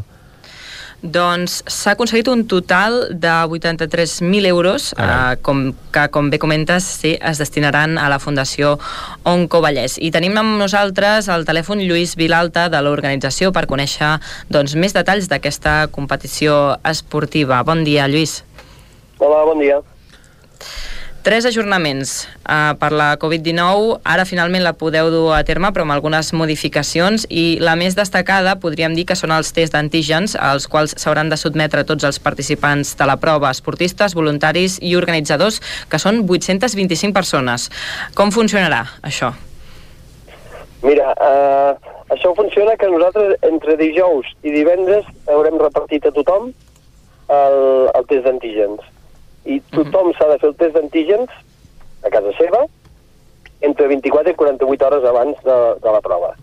Uh, um, fins a 48 el test d'antígens ens permet, ens permet fer-ho. Per tant, uh, tenim que tothom, un cop s'hagi fet la prova, uh, té un certificat d'autoresponsabilitat penjat a la web, que és el que ha d'omplir. I en aquest certificat ens ha de certificar que s'ha fet la prova i que el resultat és negatiu. Mm. Si un positiu ens va denunciar i aquest eh, no podem no podrà participar a la prova. Si, a més a més, és, és contacte directe d'un altre que havia de participar, doncs el contacte directe tampoc podrà participar a la prova. Uh -huh. Per tant, estem parlant de mostres de test, d'automostres de test antígens eh, ràpids. Eh, tot plegat com, com es financia? Perquè disposat de 825 test d'antígens, la veritat és que no és eh, fàcil tenir-los ni tampoc poder-los adquirir. Mira, es, es, tot això es financia gràcies a que els ajuntaments, tots els ajuntaments, els 11 ajuntaments a parts iguals s'han implicat en què es pogués fer. Eh, o sigui, els financien ells al 100%. Uh -huh. El finançament dels testos d'antígens el vam demanar, vam intentar aconseguir-lo via, via sponsorització i no ho vam aconseguir, però després vam parlar amb ells i tots els ajuntaments van veure que la idea era molt bona, els hi va semblar perfecta, però els hi vam dir, si no ens ajudeu vosaltres, clar, eh, repartit entre 11 és molt més barat. Uh -huh. I al final doncs, Ah. tots van dir que sí, no n'hi va haver cap que digués que no, al contrari, tots van dir que sí, que, que ho trobaven una idea brillant i, i bueno, i dona un plus més de seguretat a la cosa. I tant. Ca- canviant una mica de, de terç, a altres modificacions que heu incorporat també en la línia aquesta de mantenir la seguretat pel tema doncs, de la pandèmia és, tenen a veure amb el recorregut. Uh, S'han suprimit trams que passaven per vies urbanes i, i en, tenim entès que no es concentrarà gent en cap espai tancat, no? No, tenim d'entrada les sortides es fan esglaonades i a més a més les fem eh, d'un sistema diferent aquí, o sigui la sortida surten de tres punts diferents de Sant Feliu, els equips, eh, i, i van sortint però no comencen a comptar el temps fins que passen per la plaça. Per tant, tots han d'anar a passar per la plaça però passaran esglaonats i, i a més a més sortiran esglaonats. De manera que si els repartim en tres espais tindrem molt menys gent a cada espai. Llavors, un cop surten, un cop surten, eh, se'ns en van tots ja cap a fer recorregut i què hem tingut que fer? Pues hem tingut que fer, en lloc de dos recorreguts com teníem previstos, fer un tercer recorregut que, que, que és un recorregut una miqueta més curt per adaptar-lo a la gent que no havia entrenat tant o a la gent que a l'escurçar l'horari de, de, de tancament pues, eh, se'ls feia més difícil de fer-ho. Llavors hem fet un tercer recorregut que té 43 quilòmetres i que, i que és, és millor, és molt, és molt més fàcil de fer o molt més senzill de fer eh, i no obliga tant a anar la gent tan de pressa perquè hi ha gent que no va tan de pressa caminant. Per tant, parlem de tres recorreguts que tindrà aquesta prova de 71, 56 i 43 eh, quilòmetres. Sí, I que passa per 11 comptats, poblacions. Eh? Mal Mhm. comptats, eh? que, Mhm. que sempre són mal comptats, perquè uh 43 exactes no són, 56 exactes tampoc són, i 71 exactes tampoc són, perquè depèn del GPS que ho marques, et surten una mica més, una miqueta menys, però bueno, estan allà. Les, que les xifres oficials són aquestes. Mm. També eh, heu incorporat un protocol i una persona concreta que realitzarà el seguiment i, i doncs, eh, considerarà doncs, eh, que les mesures de seguretat s'estan mantenint. És així?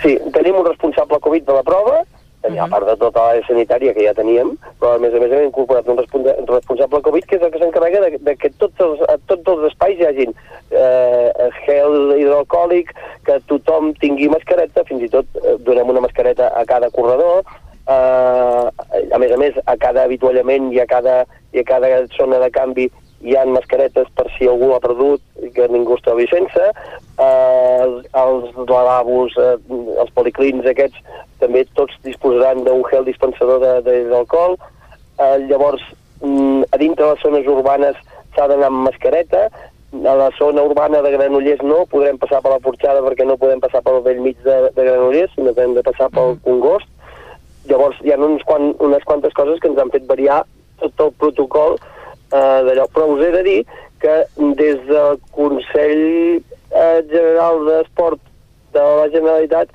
ens han, ens han felicitat per l'organització i per les mesures presentades com, com, a, com a organització d'una prova.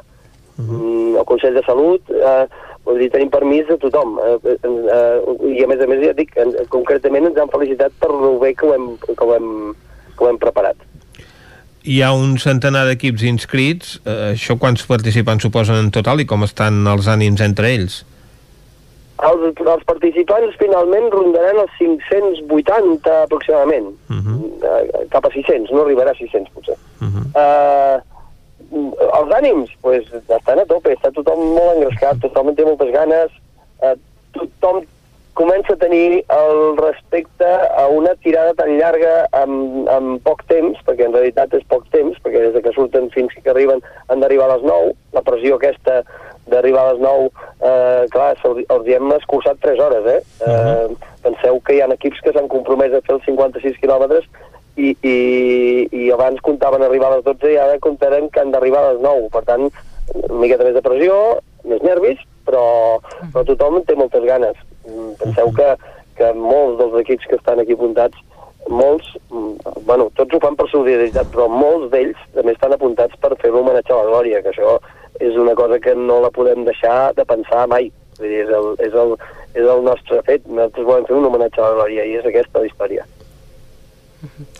Um, perquè la Glòria era una veïna d'aquí, Sant Feliu de Codines.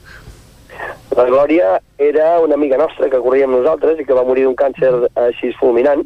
Fulminant vull dir que en tres dies va morir i, i que, bueno, que vam dir que era una noia molt solidària, una noia que participava en totes les coses que hi havia solidàries, que a més a més que, que li deies una cosa, no tenia mai un no per ningú, sempre tenia un somriure a la boca i, i, bueno, i amb ella eh, aquesta pèrdua ens va suposar nosaltres un, un sotrac molt gros i, i vam decidir fer una cosa que estigués a l'alçada de, del, del, del que feia ella, no?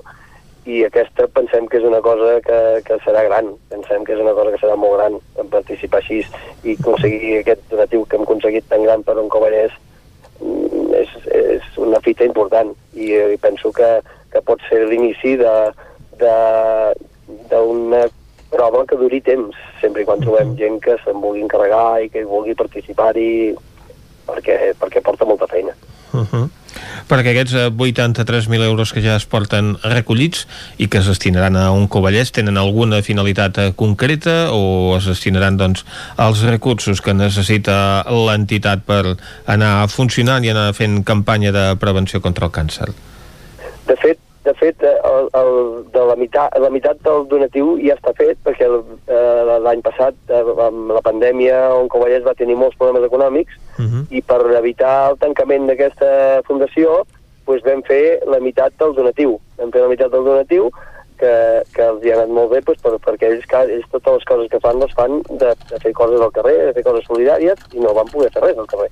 Uh mhm. -huh. Llavors, mm, amb aquest ingrés han pogut anar tirant i, i d'allò han pogut fer algunes millores a dins del mateix centre per a la comunitat dels malalts perquè hi havia unes zones on no hi havia aire condicionat i realment eh, ho passava molt malament i a l'estiu teníem moltíssima calor i, i amb això doncs, van poder posar un aire condicionat. Eh, han pogut dedicar moltes més hores de, de, de fisios, de psicòlegs eh, gràcies a, a, a, al donatiu aquest Uh -huh. I, i ara ve quan anem a fer la segona part del donatiu, que, que, que el donatiu no és mèrit nostre, el donatiu és mèrit de tots els que participen, eh? perquè els que han recaptat els diners són els equips que participen, eh? que nosaltres l'únic que fem és gestionar-ho tot. Uh -huh. Però el donatiu és el mèrit dels equips, són els equips que han donat 83.000 euros. Uh -huh. Són els equips que han fet aquest, eh, que han recollit aquests diners per poder participar a la prova. Això mateix. Uh -huh. doncs a part de pagar-se a part de pagar-se la inscripció. La inscripció anava per una banda, que és el uh -huh. que ens ha permès a nosaltres gestionar la cursa, uh -huh. d'aquesta manera, i els diners que són per fundació, són el donatiu, és tot, tot per fundació. No, no, nosaltres el donatiu, és més, no l'hem ni tocat, el donatiu va directe a un altre compte, que ja és per la fundació. Uh -huh. Doncs agraïm la tasca solidària d'aquests equips i t'agraïm a tu també, Lluís Vilalta, que avui ens hagis atès ja ho sabeu, quan vulgueu estem disposats a informar-vos de tot el que podem explicar.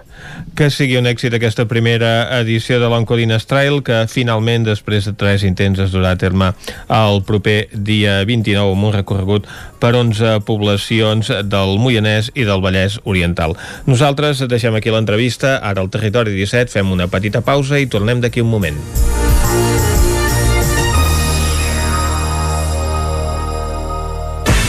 El nou FM, la ràdio de casa, al 92.8. Mudances a la carta. Som especialistes en muntatge i desmuntatge de mobles. Oferim servei de guardamobles i fem mudances a tot el territori.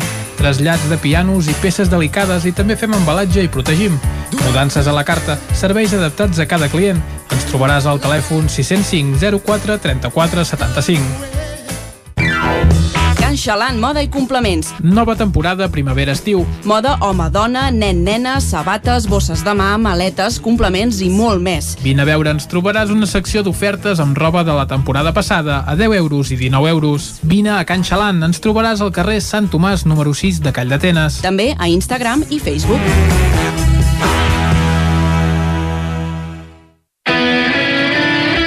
Armínia Pineda, tot en tèxtils per a la decoració t'ajudem a aconseguir l'ambient que tu vulguis.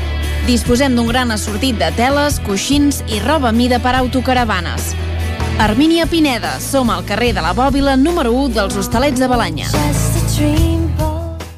Anuncia't al 9FM. La màquina de casa. 9 3 8 8 9 4 9 4 9. Publicitat arroba al 9FM.cat. Anuncia't al 9FM. La publicitat més eficaç. Cocodril Club.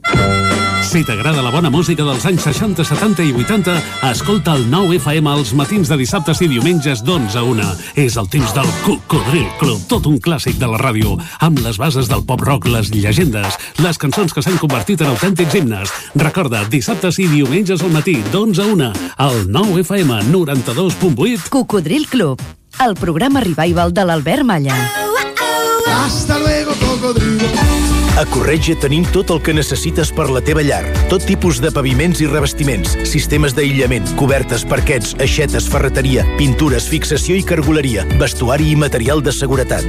Disposem de més de 3.500 metres quadrats d'exposició amb una nova zona exterior d'aïllaments. A Corretja som especialistes en cuines i banys. Us assessorem, dissenyem i realitzem el projecte des de l'inici fins a la fi del muntatge. 100% cuines, 100% banys. Al carrer Mas Vigues 8 de Vic, a corretja-sl.com o a Instagram. 100% materials per la construcció i la decoració. 100% corretja. Hi ha sensacions que són úniques. Aquell bany relaxant, mirar per la finestra quan plou i com les calderes Bailand, que li ofereixen fins a 15 anys de cobertura total amb el servei tècnic oficial Bailand. Informis a Oficiat Nord trucant al 93 886 0040. Amb el servei tècnic oficial de Bailand, la seva caldera estarà en les millors mans. El 9 FM. El 9 FM. El 9 FM.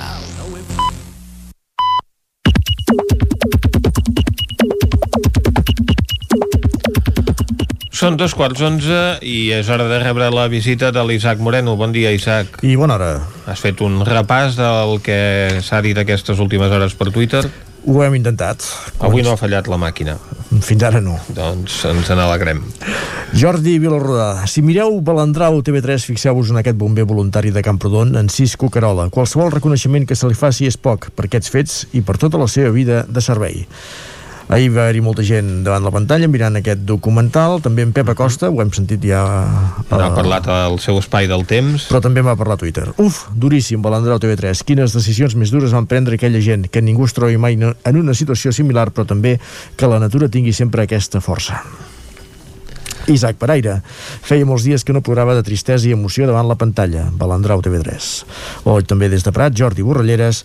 Quin tros de documental i que necessari per recordar-nos la immensitat i poder de la muntanya. Com diuen dels supervivents, sempre li has de tenir respecte, però potser ella no t'entendrà a tu. Quina bestiesa. Això és el més habitual a la muntanya. Roger Mas, sobre el conflicte de la plaça de la Noguera de Vic, president d'Esquerra Vic. Una concentració pacífica del veïnat no pot acabar de cap manera com la d'avui a la plaça de la Noguera. Calen explicacions. Més concentracions, aquesta després del ple de Manlleu i de suport al poble de Palestina. Marta Moreta, del PSC, acaba el dia, acaba el dia donant suport al poble de Palestina que s'ha concentrat a la plaça Manlleu. Jordi Molet, des de Vic, Jordi Molet, amb U vacunat de la primera dosi contra la Covid-19 ni me n'he assabentat de la, ni, més, ni me n'he assabentat de la punxada.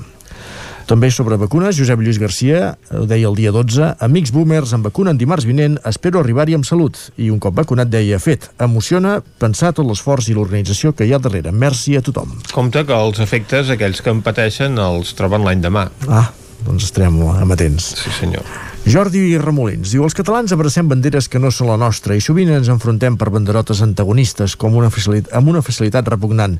Però us heu fixat com costa que algú abraci la catalana? O unifiquem esforços o muntem un puto circ. Vinga, va. Doncs ho deixem en mans de Tortell Poltrona. Uh, Cineclub Vic comparteix la imatge que entenem que es va veure ahir a, a, a l'Atlàntida, en la sessió d'aquest dimarts de Cineclub Vic. Diu, els espectadors de Cineclub atents a l'Oliver Stone quan diu que els trencarà la cara si no paguen el mòbil. Etiqueta Cultura Segura. és una manera més d'explicar de, de, que, que quan s'entra en una sala d'activitat cultural el mòbil a la bossa i, i sí. com a mínim en silenci. Ah, exacte. Ara que es poden silenciar tan fàcilment, la veritat és que també s'hi ha conegut. Sobre l'incendi al Soler de Nuc de Prats diumenge, Mas de Lledrer piula. Després de la desgràcia tenim el cor encongit, és per això que destinarem el 10% de les vendes del 19 al 26 de maig a maslledrer.cat i el 10% de les vendes del Lactium a ajudar el nostre company Abel Pereira. No podem fer gaire més, però tampoc volien fer menys.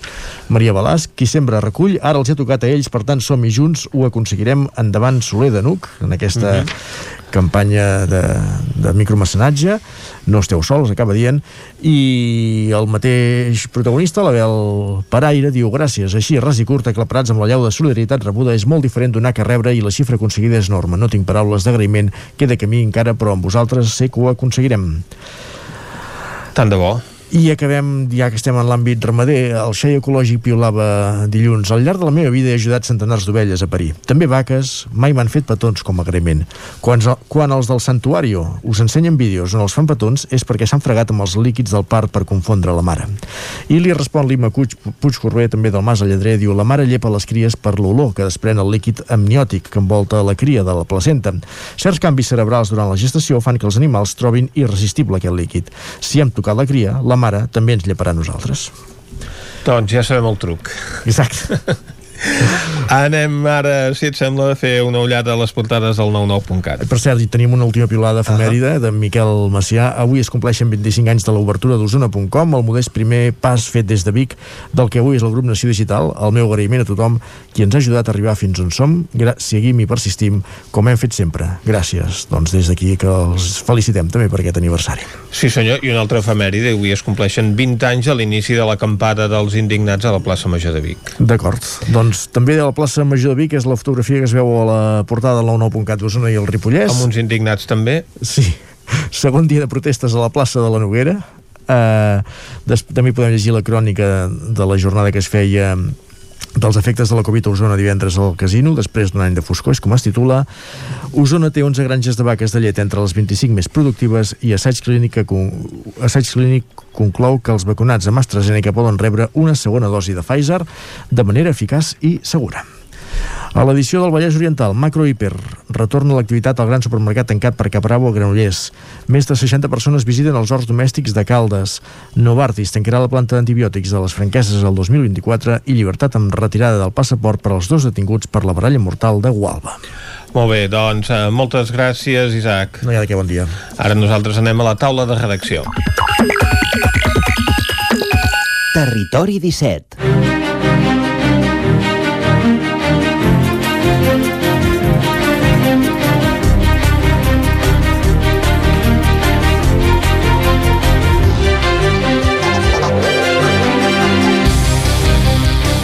Avui a la taula de redacció comptarem amb la Txell Vilamala i l'Isaac Muntades.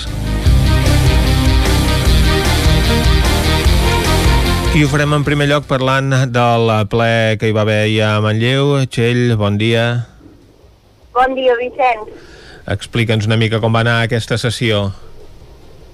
Sí, ahir uh, la gran notícia és que a Manlleu hi va tornar a haver ple presencial a la sala de plens de l'Ajuntament després de molts mesos eh, condemnats a veure els regidors i l'alcalde a través de la plataforma Zoom i YouTube. Per tant, ahir ens vam tornar a retrobar tots presencialment i que és veritat que amb moltes mesures de seguretat i amb bona part dels regidors asseguts al pati de butaques eh, i no a la taula on normalment eh, es posa el fil del consistori.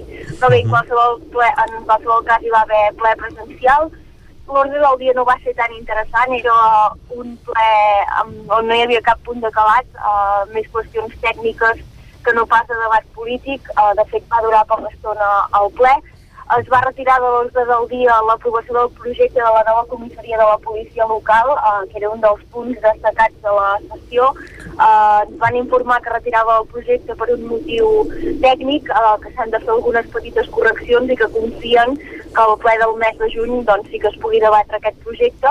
A més a més, en una sessió, aquesta del juny, eh, que pinta molt bé perquè ens van comentar ahir que també s'hi portarà l'aprovació inicial del Pla d'Ordenació Urbanística Municipal.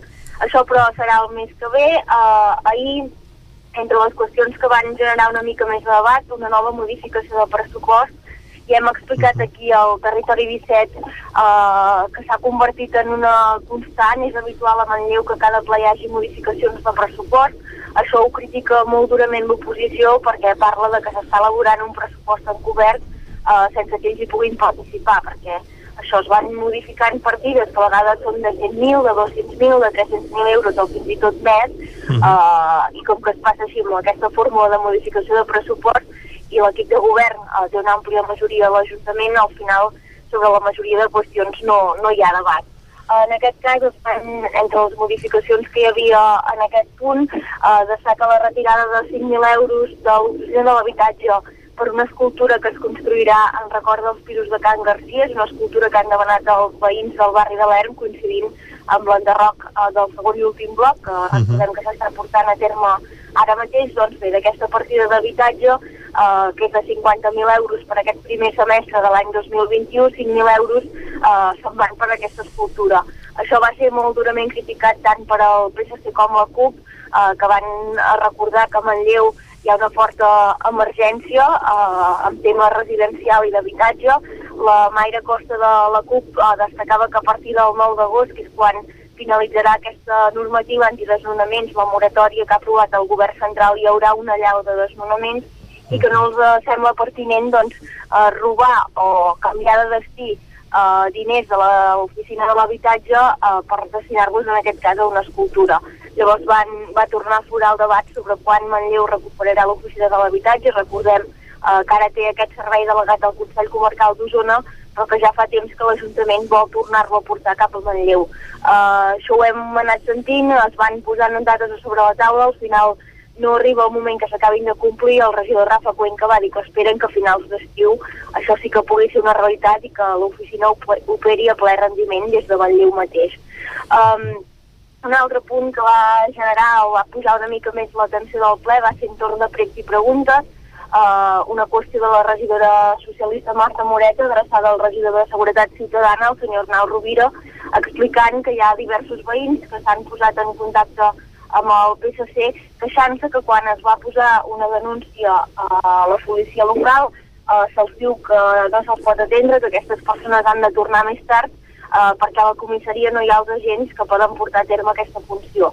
Llavors la regidora Moret eh, destacava que una persona quan es troba en una situació que ha d'anar a posar una denúncia és perquè eh, ha viscut un robatori o qualsevol tipus d'incident que normalment fa que aquestes persones estiguin eh, que estiguin en una situació de nerviosisme uh -huh. i que el que hauria l'Ajuntament és garantir una atenció perfecta, pulcra i el màxim de correcte doncs, per, per ajudar aquesta gent uh, a que no se sentin encara més nerviosos. El regidor de Seguretat Ciutadana uh, va reconèixer que és veritat, que això està passant, que la comissaria uh, tenen els efectius que tenen uh, i que en aquest cas per poder recollir aquestes denúncies s'ha de tenir una formació específica que ara mateix no la tenen tots els agents per intentar posar-hi remei el que s'ha fet és que hi ha cinc agents que s'estan formant a l'escola de policia, que en breu eh, va dir el senyor Rovira que tornaran a ser a Manlleu, i a més a més també s'intenta reorganitzar la plantilla doncs, perquè sempre hi pugui haver algú eh, que es pugui fer càrrec de recollir aquestes denúncies. I que deia ell, però, que si hi ha una situació d'urgència, eh, prioritzen atendre aquesta emergència, eh, que no recollir les dades d'una cosa que ja ha passat, encara que sigui important, eh? no, no li restava mm -hmm. importància. Llavors el que sí que va dir el senyor Rovira és que en cada cas s'agafa el telèfon de la persona i que llavors eh, se la torna a citar per poder posar aquesta denúncia. També recordava ell que l'Ajuntament, de fet eh, ho vam explicar també al 9-9, acaba de comprar una furgoneta que entre les noves funcions que és per la policia local i que entre les noves funcions que podrà exercir és recollir denúncies a domicili o comerços doncs, perquè eh, la gent no s'hagi de desplaçar fins a, a les dependències de la policia local que recordem que ara estan als baixos de l'Ajuntament a l'espera doncs, de poder-se desplaçar cap a aquesta nova comissaria que s'ha de construir a l'Avinguda Puigmal i que, com dèiem, ahir havia de passar per ple l'aprovació del projecte, però finalment, eh, de moment sembla que s'ha retardat el ple del mes de juny, coincidint també amb aquest ple que, que com comentàvem ara, serà el d'aprovació inicial del POU. Veurem si tot això hi arriba a l'ordre del dia, perquè si és així potser passarem d'un ple que hi va ser més aviat insípid a, a un que serà farcit de, de molta teca. Doncs segurament i de moment que es va encallant la construcció d'aquesta nova comissaria de la policia local de Manlleu. Moltes gràcies, Txell. Gràcies, Vicenç. Bon dia. Bon dia. Nosaltres anem ara cap a Set Cases, també per parlar d'actualitat eh, política municipal, perquè a Set Cases hi ha set cases, cinc regidors i una sola persona a l'equip de govern, que és l'alcaldessa, Isaac Muntades. Bon dia, Vicenç. Doncs efectivament ho has definit a, a la perfecció. Ara mateix només queda l'alcaldessa Anna Vila a l'equip de govern perquè en el darrer mes i mig doncs li han plegat els dos tinents d'alcaldia que, que tenia, que són en Joan Casadevall i la Núria Vila, i, i bé, fins a final de mandat si no es reverteix la situació que sembla que doncs intentant que, que així sigui, doncs hauria de governar en solitari. Podríem dir que hi ha un regidor també del PSC Uh, uh -huh. en aquest cas que tindria una cartera d'agricultura, ramaderia i, i, Trobada, i pesca eh, però en aquest cas de grans, de petits, de, de, de, de, sí, se'ns està colant Exacte, uh, sembla que hi ha alguna interferència ara mateix amb aquesta connexió amb la veu de Sant Joan ara em sembla que la podem recuperar eh? sí, sí, se'ns havia ara colat sembla... ara Isaac, uh, alguns entrava per aquí eh? Se, misteris, sembla ser misteris. Que sí. Mi, misteris del moment, esperem que no sigui ningú de set cases que ens vulgui sabotejar esperem, uh, esperem. esperem. Uh, us comentava això, eh, doncs, que hi ha aquest regidor que sí que té una cartera i en canvi també s'ha de dir que l'altre regidor del PSC, uh, Carlos Fernández que com sabeu doncs, va ser víctima d'una moció de censura al desembre del 2017 en un dia que va nevar moltíssim i que, i que recordarà perquè no va assistir a la seva pròpia moció de censura mhm. doncs no, no té cap cartera per la mala relació doncs, que, que hi ha palesa que, que hi ha des d'aleshores amb l'actual eh, alcaldessa. Llavors bàsicament aquí eh, es tracta de que Joan Casadevall, que va ser el primer regidor eh, que va plegar, va tenir com un eh, cert eh, fregament amb, amb Anna Vila per un tema, mhm. per un malentès per com s'havien de fer aquestes reunions de, de govern, no? Uh, Anna Vila, l'alcaldessa, va proposar de fer juntes uh, de govern per evitar que fos, doncs, com en el seu moment van denunciar de Carlos Fernández que feia un govern uh, molt individualista, que s'ho feia tot ell, doncs que no passés exactament uh, el mateix, uh -huh. i aquí hi havia un problema, que és que es tracta d'un òrgan col·legiat i per tant hi ha d'haver una persona que aixequi acte eh, com pugui ser eh, el secretari, ha de ser eh, un secretari que Clar. faci un acte de la sessió. I evidentment doncs, en pobles tan petits amb cinc regidors, ja sabeu que es comparteixen secretaris que, que van a dos o tres pobles doncs evidentment a part de les sessions ordinàries fer juntes de govern doncs suposa una feina bastant important. I aquí es va decidir que en comptes de fer això eh, es fes eh, un consell eh, de govern on tothom, qualsevol persona en aquest cas l'alcaldessa la, mateix podria uh, aixecar acte. Uh, això sembla que es va intentar passar per ple i uh, no li va agradar a Joan Casadevall que, que passés i aquell mateix dia, segons va explicar l'alcaldessa, uh, es va aixecar de la taula i va, i va marxar. Uh, es volia arribar a un acord per intentar que ho votés més endavant, de moment no, no s'ha aconseguit i bàsicament aquí hauria passat això i després al cap de uh, unes setmanes doncs hauria plegat a, a Núria Vila. A banda d'això també hem de dir que uh, aquesta crisi l'ha aprofitat Carlos Fernández, uh, va dir l'alcaldessa, que per, per llançar, ho va dir clarament amb aquestes paraules, el ventilador de merda, aprofitant una mica la, la mala maror del moment per uh, demanar una reunió entre tots els veïns per parlar d'un altre tema que res té a veure amb això, que és el reglament regulador del Servei Públic d'Abastament uh, d'aigua potable i que també doncs, uh, sembla ser que des de l'Ajuntament uh, s'havia publicat doncs, que es demanava opinió als veïns i, i Fernández havia demanat que es tragués de la pàgina web doncs, uh, aquesta espècie de de, de reglament, que no és un reglament, sinó que ens va comentar l'alcaldessa que és un edicte que encara no s'ha no començat a, a fer. Uh, per tant, doncs ja veieu que està mogut el tema, tot doncs i que l'alcaldessa confia que això pugui ser reversible en el futur. A veure, doncs, si ho poden anar reconduint. Moltes gràcies, Isaac. A vosaltres. Tanquem nosaltres aquí la taula de redacció. Territori 17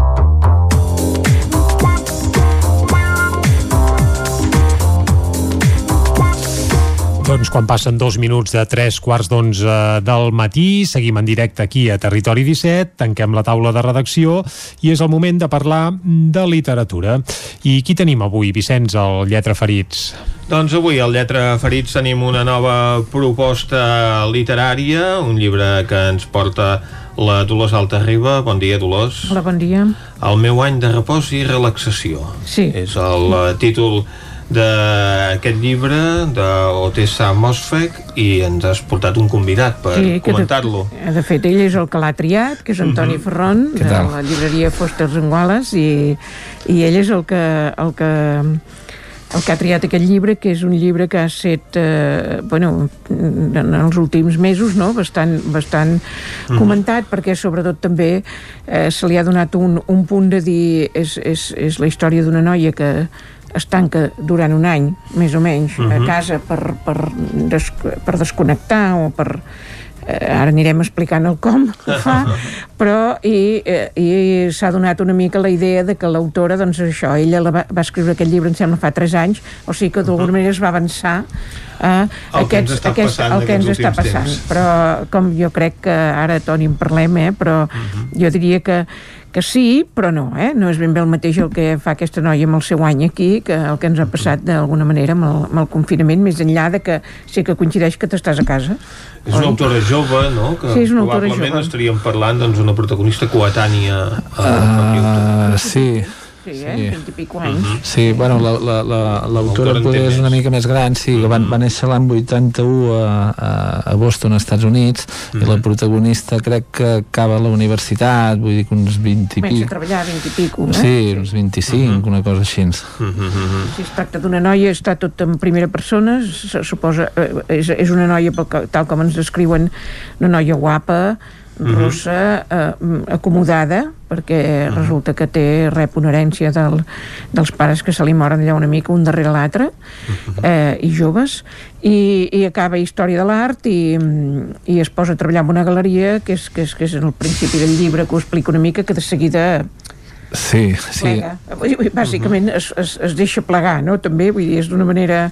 Que sembla que ja, ja es nota allà, no?, que una persona que en principi ho podria tenir tot de cara, no? O que ah, sí. estàndards que entenem és allò, bueno, podria tenir l'èxit i està superbé, perquè a més té un pis en propietat a Nova York, això no és, no és fàcil i tal, uh -huh. i en canvi mm, eh, doncs no, li passa absolutament al revés i decideix oi? Uh, sí, sí, sí um, uh, té com un projecte o, o, o la idea de voler-se quedar a casa com una cosa com molt existencialista de, de, de dormir tot el dia i això que diu la Dolors de seguida es va explicant a la novel·la com, com ella té els recursos per poder-s'ho fer-ho. Vull dir que econòmicament eh, re renuncia una mica tot perquè eh, se li moren els pares té una bona herència, li queda un pis en propietat un pis bonic que es va veient a la novel·la amb moltes vidrieres que es veu tota la ciutat i, i eh, ella et va explicant les raons de com de, de, de per què vol fer-ho i, i, i el que vol fer que és bàsicament passar-se un, un, un temps, un any dormint Dormint. Dormint. Dormint. Quedar-se tancada a casa, dormir, re mm -hmm. renunciar a tot. Mirar pel·lícules. Mirar pel·lícules, mirar pel·lícules. Sí, eh? que la, sempre parla del Harrison Ford, de la, mm -hmm. la Whoopi Goldberg, sí. algunes altres... Star Trek, una mica. Sí, pel·lícules i actors, moltes pel·lícules d'aquestes normaletes de sèries dels anys 80. Mm -hmm. Bàsicament això, dormir i estar, i estar-se tancada a casa. A mi em va sorprendre molt poc temps després del confinament eh, una mica l'argument de, de la novel·la i, uh -huh. i vaig tenir la curiositat això de, de, de voler-la llegir uh -huh. Això és el somni de l'abonat a Netflix, no? Eh, sí, però, però jo a mi li de, deia abans d'entrar amb Antoni dic, sí, però ella uh -huh. el que fa per aconseguir dormir és prendre's una de, de pastilles uh -huh. eh, brutal perquè mm, té una psiquiatra eh, de una, sí. una altra persona uh -huh. té, hi ha molts pocs personatges eh?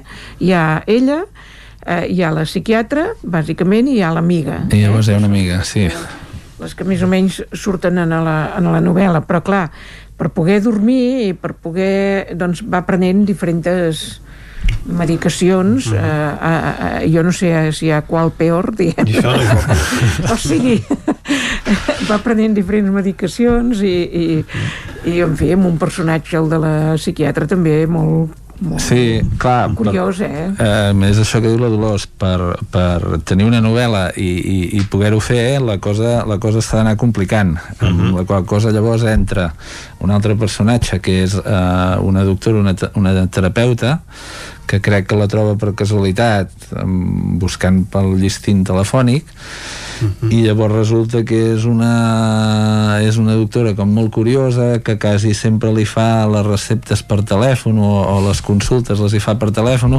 la qual cosa la, la noia mm, la pot anar enganyant i pot anar aconseguint pastilles per, per anar dormint. Uh -huh. perquè el contacte amb aquestes persones aquesta metgessa, aquesta amiga els manté presencialment o ja els manté per Skype algun, directament? algun, algun que és el que hem estat fent tots ara. el, el, la, primer, la primera i alguna altra presencial, però llavors molta cosa crec que és, és telefònica perquè uh -huh. clar, ella, està, ella el que vol és cada cop sortir menys uh -huh. uh, de, de, del, del seu pis. I, i es dona compte que amb, amb les pastilles cada cop pot dormir més i cada, cada, cada cop està menys desperta. És com una antinovel·la perquè normalment les novel·les és com de que passin coses i, i de voler viure i això i aquesta novel·la és, és com un anti de, de, de, tot el, de tot el que hem vist fins ara eh, Sí, sí, i també és una mica la, la, la cosa aquella de dir, doncs em desmarco, no, no sé si ho, si ho fa conscientment, però em desmarco de tot el que se suposa que és el que eh, haig de fer a la vida, com, com fa tothom, amb ganes de triomfar, que per exemple és el que li passa a la seva amiga, no?, que és una mica la, les, sí. l'exemple de, de la persona que vol, que vol aconseguir d'alguna manera, no?, ser, ser apreciada i aconseguir el somni americà d'alguna manera, no? I tot uh -huh. això, no? I ella és com que marca la diferència. Hi ha un punt d'aquesta lectura, de dir, em desmarco del ramat, eh, uh -huh. i vaig a fer una cosa absolutament diferent però llavors jo crec que entra en una espiral de, de, perquè, o sigui arriba a estar inconscient en molts moments, eh, o sigui, inconscient o sigui, més no ella, quan es desperta no recorda què ha fet o què ha deixat de fer en tot cas ho detecta per, per si hi ha moviments a la targeta de crèdit que ha fet així uh mhm. -huh per, per telèfon. Sí, una, eh? um, és bastant còmic, però a la vegada és com bastant absurd i en certa manera dramàtic, que uh -huh. és mhm. que es dona compte que algunes d'aquestes pastilles que li han receptat eh, li provoquen eh, com aquesta eh, eh, la, la fan ser com sonàmbula llavors uh mhm. -huh. realitza coses durant els estats que ella en teoria està dormint que no, que no se'n dona compte uh mhm. -huh. surt de ca eh, eh, es va trobant això pistes amb els, amb els extractes de les targetes de crèdit de coses que ha fet que ella ni se'n recorda que ho ha fet uh, i ella el que vol és, és, estar dormint i no fer res i, i, i aquestes coses que li provoquen aquestes pastilles eh, li, fan, li fan veure que, que, que li costa també realitzar aquest projecte que ella té uh -huh. i per altra banda hi ha aquesta amiga que, que, que va sortint que jo crec que és el contrapunt més real uh -huh. que t'agafa la realitat que... com la vida exterior una mica Sí, que és la noia que vol tenir una bona feina, vol, vol ser bonica, vol sortir de nits, vol tenir vestits eh, vestits de marca, que és la que té tota la protagonista i que uh -huh. és la que la protagonista vol renunciar-hi. És com un contrapunt com absurd i còmic a la vegada que, que la que ho vol no ho té i la que ho té no ho vol. Uh -huh. Sí, sí, exacte, i ella, l'amiga, és com molt amiga, li fa molt d'amiga, i en canvi ella més aviat deixaria de tenir-la d'amiga, no?, fins i tot, o sigui, és que no, no, no està clar tampoc eh, eh, pel lector s'ha de, de llegir d'una manera que no, no vagis a buscar una història que pensis que et pot fer feliç, diguem-ne, eh? O que, uh, no, que sí, perquè jo em vaig quedar ben, des, ben desubicat, eh? perquè és tot és, és com, eh, no sé, vaig anar pensant això, és tot el, és com tot, tot, tot un antinovel tot, mm. tot va al revés de lo que estava, jo estava acostumat fins ara és una novel·la especial jo no sé si la, si la recomanaria però a la vegada sí que la recomanaria i tampoc et sabria dir si m'ha agradat perquè té tantes coses que jo fa dies que l'he acabat ara i encara hi vaig pensant en, sí. en... i a més després això no, és clar, no es pot explicar però és veritat eh, que la última pàgina del final és no comenceu per l'última pàgina perquè si no no té, no té gràcia oi? però sí que és veritat que la la última pàgina doncs acaba o com, eh, no sé, eh, no sé si és una manera d'acabar, oi? Però eh, uh -huh.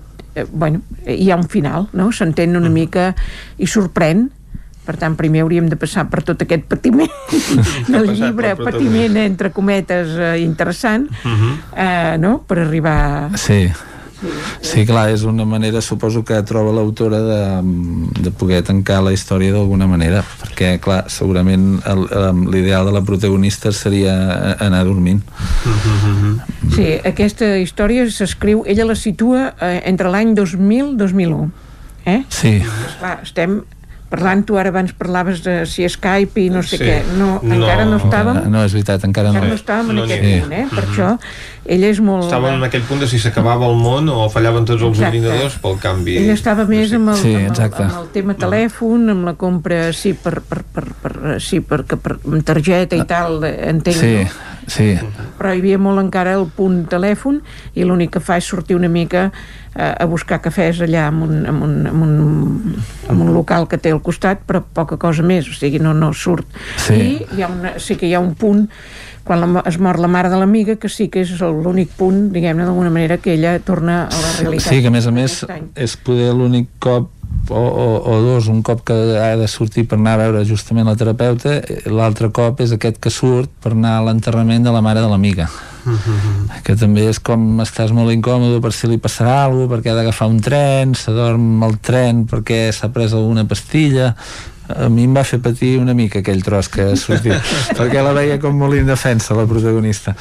I, i, i- és això quan, quan llegia també em va venir una mica de curiositat per la història del llibre. Vaig veure que l'havia escrit el 2017-2018 o sigui abans del confinament i la situava això a final, al final, del, al final del segle XX Mhm. Molt bé, doncs eh, moltes gràcies per aquesta anàlisi de la lectura d'aquesta obra, si més no curiosa, com defineix el propi eh, Toni Ferron, el meu any de repòs i relaxació. No sabem si recomanar-la o no als nostres oients, perquè és una obra eh, difícil i amb un final doncs, eh, també complicat, perquè tota aquesta història que es va embolicant en l'interior doncs, d'aquesta protagonista, la gràcia és veure com acaba, però això no ho explicarem aquí. no, no, no, no, no es pot Dolors Altarriba i Toni Ferron de Foster and Wallace. Moltes gràcies Moltes per acompanyar-nos avui. Ostres, doncs, Vicenç, ara mateix em quedo amb el dubte si llegir-la o no, eh? Perquè, clar, això blancs i negres... interessant ho és. Sí, dolç, amarg... Bé, uh, tanquem aquí el Lletra Ferits d'avui, va.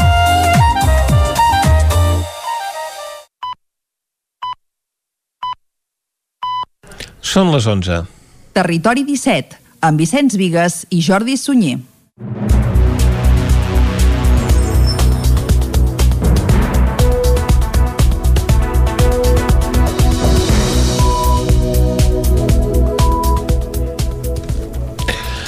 Alcaldes i alcaldesses usonencs de partits independentistes coincideixen en afirmar que el pacte entre Esquerra i Junts per formar govern era el més esperable, tot i que apunten que hauria hagut d'arribar abans.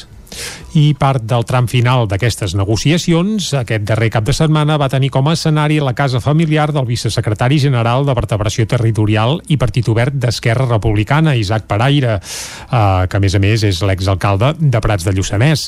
Les peticions que els, alcalde, que els alcaldes traslladen ara al futur executiu també són coincidents. Equitat en el repartiment dels recursos de la Generalitat i dels fons europeus en l'etapa de reconstrucció després de la pandèmia. I també demanen que els ajuntaments siguin protagonistes en la gestió del país.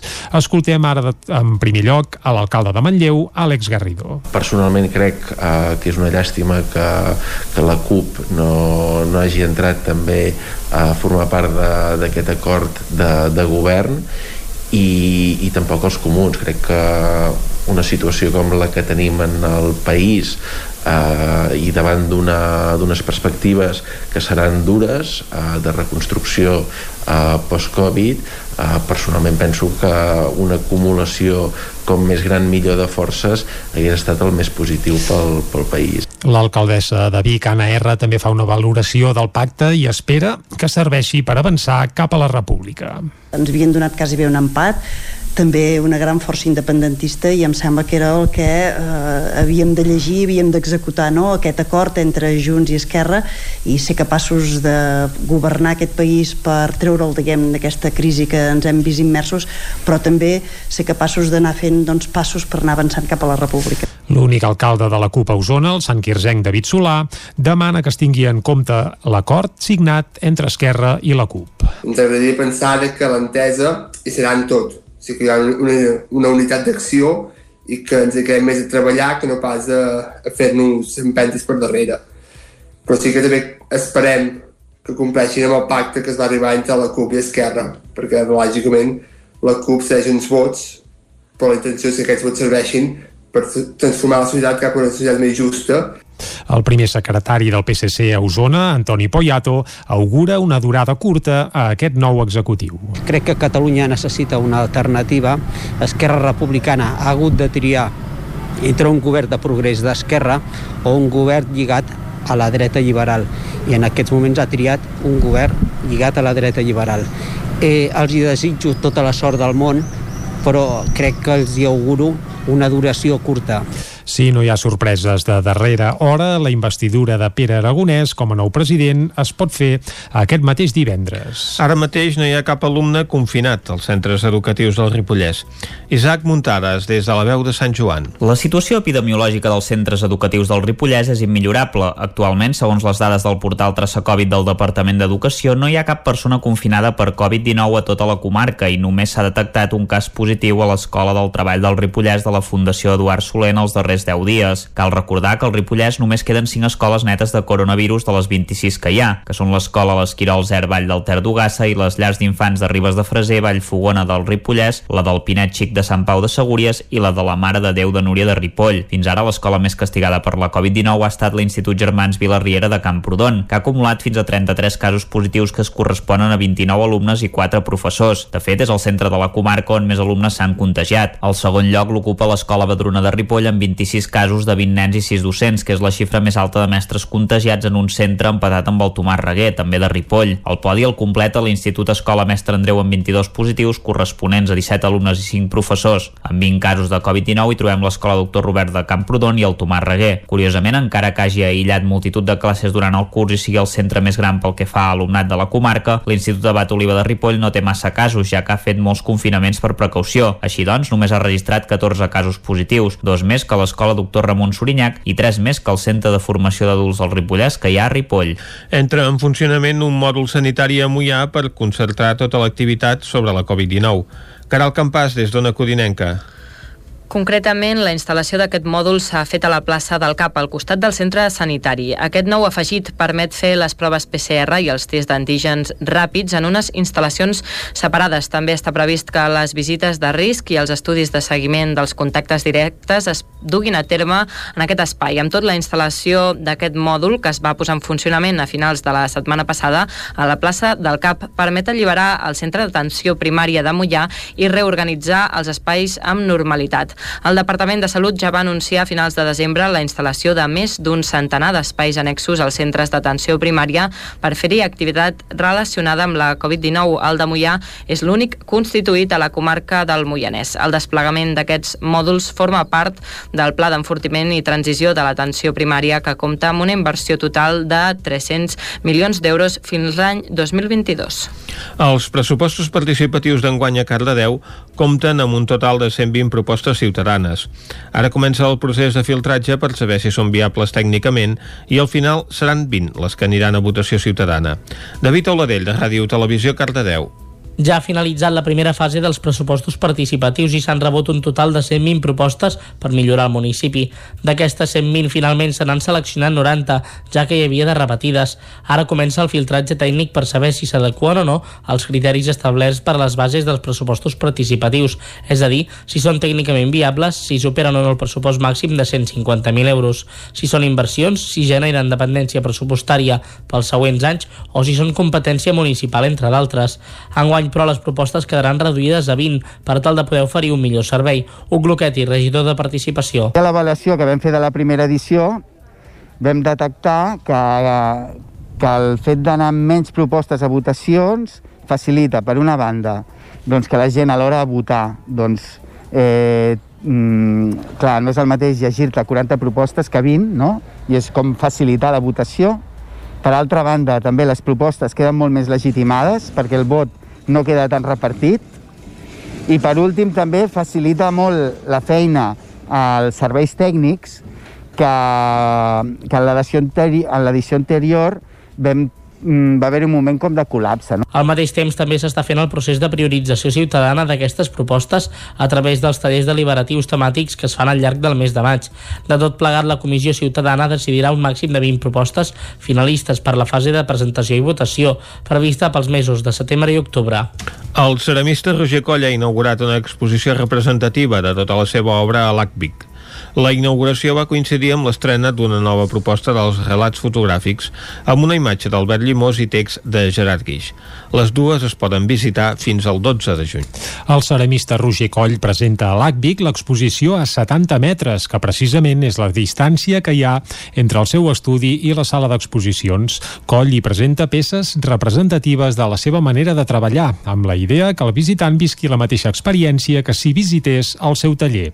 Sentim a Roger Coll per ensenyar una, una barreja de peces que encara que no tinguin coherència entre elles són peces algunes que he tingut durant temps al, al taller. D'altres són peces que estan en procés ara mateix. Uh, algunes estan fetes expressament per l'exposició com els panells d'aquí darrere. Uh, i algunes són simplement experiments que tinguin al taller per potser futures línies d'investigació no? doncs amb l'excusa aquesta he fet una tria una mica per, per tocar tots els, totes les vessants. L'exposició es va inaugurar al mateix temps que la mostra commemorativa del desè aniversari del projecte Art i Escola, una iniciativa de l'ACVIC i el Centre de Recursos Pedagògics d'Osona per impulsar la presència de l'art contemporani a les aules. Enguany, la iniciativa gira a l'entorn del joc i a l'exposició s'hi mostren els treballs que han fet a l'aula els alumnes dels centres participants. La inauguració de dijous passat a l'ACVIC encara va tenir una tercera pota.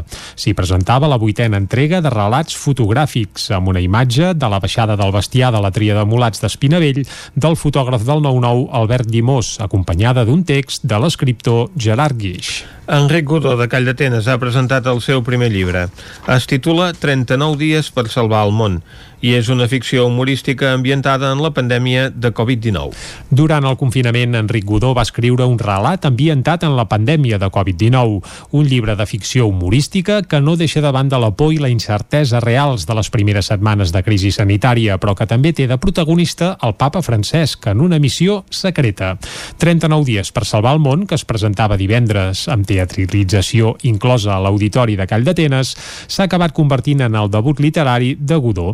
Mateix ens n'explica els detalls. És un llibre de ficció humorística que es va escriure durant el confinament i, i el curiós és que es gesta en molts llocs de tot el món, la Polinèsia, el Canadà, el Vaticà, um, però acaba confluint primer a Call d'Atenes i des d'aquí inici, inicien un viatge uh, una mica surrealista fins a lo que és Molló. Godó, que s'havia dedicat durant anys a la ràdio i que actualment és regidor de Comerç i Mercat de l'Ajuntament de Call d'Atenes com a representant de Poble en Marxa, ja està escrivint un segon llibre. Sí, de fet, quasi bé m'estan exigint que, que hi hagi, amb aquest mateix sentit de l'humor que té el llibre, no? doncs que hi hagi, si no una segona part, uh, un llibre que, que segueixi les passes i, i, uh, i s'està escrivint, s'està escrivint. Un cop acabada la presentació, l'autor, com és habitual en aquest tipus d'actes, va signar exemplars del llibre a tot el públic assistent.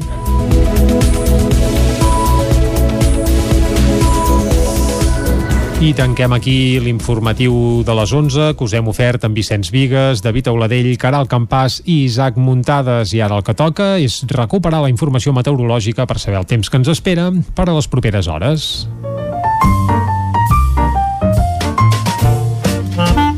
Casa Terradellos us ofereix el temps. I Vicenç, abans de saludar el Pep Acosta i parlar del temps, com que a primera hora ens ha parlat del documental del Balandrau, crec que ja hi ha dades d'audiència i ahir TV3 va arrasar eh, amb aquest documental. Va arrasar amb aquest documental perquè va tenir un 21,5% d'audiència, líder per tant a la seva franja horària, amb 523.000 espectadors però atenció perquè l'audiència acumulada, és a dir, les persones que almenys van veure un minut d'aquest documental és molt superior, arriba a les 917.000 persones. Una autèntica bestiesa. I tant. Bé fet aquest apunt, uh, ara sí que saludem en Pep Acosta perquè ens expliqui no què va passar al Balandrau, ja ens ho ha explicat una mica a primera hora del matí, sinó què passarà durant el dia d'avui. Pep, bon dia de nou. Hola, molt bon dia. Bon dia, bon dia. Aquest matí eh, continuaran aquests, aquests eh, núvols, molts núvols baixos, molta nuvolositat. Eh, la culpa d'això són aquests vents de mar, de mar cap a terra, que estan bufant eh, aquests últims dies. Fa 3 o 4 dies que estem tenint el mateix patró de temps. Eh? Això, aquests núvols de bon matí, quatre gotes en algunes zones, i de cara a la tarda, eh, molta més suavitat. Més suavitat de temperatures, més sol, menys núvols, tot i que independentment creixerà alguna, alguna nuvolada cap a la zona del Montseny, de Guilleries i també cap al Pirineu, nuvolades de mitja tarda típiques del mes de maig i que no es descarta que deixin 4, 4 gotes. Uh, no es veu cap precipitació extensa ni intensa per enlloc, eh? Serien 4 gotes uh, a, tot, uh, a tot caure, eh? Vull dir, molt, molt, molt, molt poca cosa. I unes temperatures poder un o dos graus més baixes que les d'ahir. Les temperatures tenim una, sota, una mica perdó, per sota de la mitjana, eh? no gaire, però sí que estan una mica per sota de la mitjana del que haurien de ser, però una mica més de fresca, sobretot les màximes. Les mínimes ha, eh, han estat molt semblants a la nit anterior, eh? la majoria entre els 5 i els 12-13 graus de mínima. Uh -huh. I molta uniformitat de temperatures. Uh, ahir vam tenir moltes màximes, moltes entre els 21 i els 23 graus. Doncs avui també la majoria de valors entre els 20 i els 22 a totes les nostres comarques.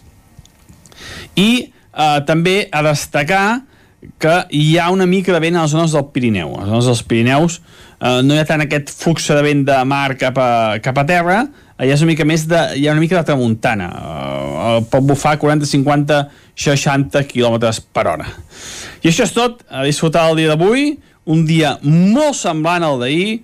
Ara matí, molts núvols, fins i tot poder quatre gotes miserables en alguna zona. A la tarda, més sol i creixement d'alguna nuvolada cap a zones de muntanya que també poden deixar quatre gotes eh, amb més pena que glòria.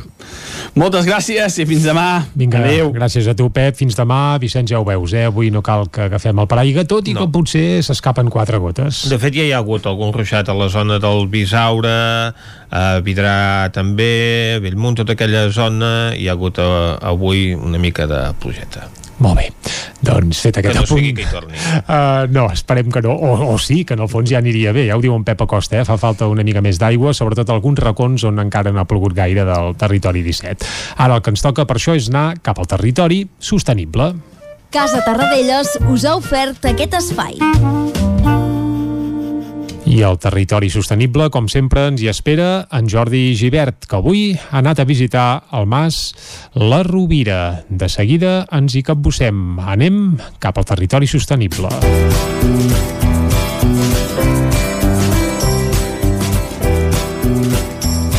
Avui al Territori Sostenible ens desplacem fins a Mar Rovira per parlar de formatges. Volem aprofitar que a Osona s'acosta el Lactum, a la fira de, de formatges més eh, important de, de Catalunya o la Catalunya central, i per això hem aprofitat per acostar-nos a una formatgeria de la comarca que ens expliquin com treballen.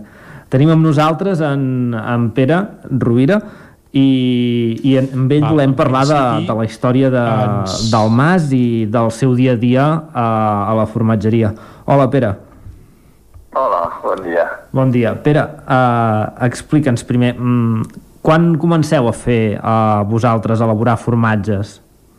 Sí, no, nosaltres fa, fa pocs, relativament pocs anys que vam començar. El, nosaltres som de Sora, al nord de la comarca d'Osona, just a sota Ripoll, el, i som de pagès, tenim vaques i, i el porc i això, i és clar, el meu germà doncs, eh, bueno, va acabar la carrera, se'n va anar a França, va veure que els pagesos doncs, elaboraven els seus propis productes i els venien a mercats locals i una mica a mercat de proximitat, no? I això era el, el 2010, que, que van estudiar fora a França i ho va veure. I va tornar cap aquí i va dir, diu, hem de muntar una formatgeria. Uh -huh. I, I sí, sí, vull dir, elaboràvem uh, productes aquí mató i formatge fresc a casa, per a nivell particular, però, bueno, vam decidir doncs, que bueno, faríem un pas i ens vàrem informar, vàrem fer cursos, i el 2011 vam, vam començar la formatgeria a poc a poc. Sí, sí. O sigui, vosaltres uh, teníeu... Uh, éreu, éreu grangers i decidiu fer aquest pas més de, de, de, més de, de fer la... de, de cuidar el bestiar, sí. ja fer el producte directament. Sí, fer, fer el producte i, diguéssim, poder defensar el, el teu propi producte, eh, poder anar a les carnisseries o als mercats o això, i que la gent et conegui, no? Uh -huh. uh, vull dir, no, no, no és el, o sigui, un món de la, com el de la carn o de la llet que ningú coneix el, el ramader, pràcticament, uh -huh. sinó una mica doncs, que fer un pas més i poder arribar al, al consumidor final. Clar. Aquesta, aquesta era l'idea i llavors la, la llet que feu servir, eh, ens comentàveu que éreu grangers, és, és de, la, de les vostres, eh, del vostre bestiar o ara el, el porteu de més lluny? Sí, l'agafem amb uns veïns, nosaltres tenim vaques de carn, uh -huh. i on hi ha uns veïns que tenen les vaques de llet i els hi comprem amb ells. També tenen les cabres, i, i després la, la d'ovella l'agafem de dalt al, al Pirineu, de, de Corroncoí, a dalt, o sigui, Pallars. la vaca i la cabra, eh, la llet ve de Sora sí, mateix? De, de, local, sí, uh -huh. d'aquí la comarca, sí, sí. Molt bé. Uh, llavors, uh, he vist que, que això, que teníeu tres, uh, tres, uh, els tres tipus, no?, d'ovella, sí. cabra, uh, vaca. Uh, quin és el que, el que teniu més per mà o, o quin és el, el, que, el que amb el que heu començat o, o teniu més productes? Sí, vàrem començar amb uns de, de cabra, que són, uh -huh. diguéssim, el nostre emblema, són els petits de mar rovira, són unes pastes toves de cabra, uh -huh. que el fem amb diferents acabats, i aquests bueno, han guanyat uh, la medalla d'or al concurs de l'Esteu, aquí al Làctim també, i, i, i són pastes toves que el fem amb diferents acabats, amb cendra, amb herbes, aquests són, diguéssim, la, la nostra referència, no? Uh -huh. um, després també en fem d'altres tipus, de, de cabra en fem moltíssims, em sembla que fem 18 tipus diferents, amb pebre, amb herbes provençals, amb, amb nous, uh, fem el garrotxa, que és, uh, segurament sortirà una IGP, una indicació geogràfica protegida, uh, per les formatgeries d'aquí de, de Catalunya, amb el nom garrotxa, i tots, fem, tots els formatgers fem aquest tipus de formatge, Um, bueno, amb cada fem molts tipus, també fem un, un que es diu l'avenc, que el madurem en una cova natural, a sota terra, és, és molt peculiar aquest, és excel·lent. Uh -huh. I després també en fem amb vaca, uh, fem de pastes cuites, uh, formatges més tendres, i amb ovella, que fem els madurats d'ovella. Uh, sí, sí. ja uh, completament ignorant jo sobre el tema uh, s'han de tractar de manera molt diferent uh, per la llet per elaborar una, un formatge de cabra, d'ovella o, o de vaca? Sí, sí això, això cada formatge és, és un món, no? Vull mm -hmm. dir que a vegades ens ha sortit un formatge boníssim, ens ha passat dues vegades, de dir, ostres, aquest sí, ja el tenim, no? I, i resulta, mires la fitxa d'elaboració de, i, ostres, aquí va fallar la temperatura, va fallar la llet, va fallar, va fallar tot, no? I després no l'hem pogut tornar a repetir. Però, bueno, han passat dos cops i, i esperem que no passi més sovint.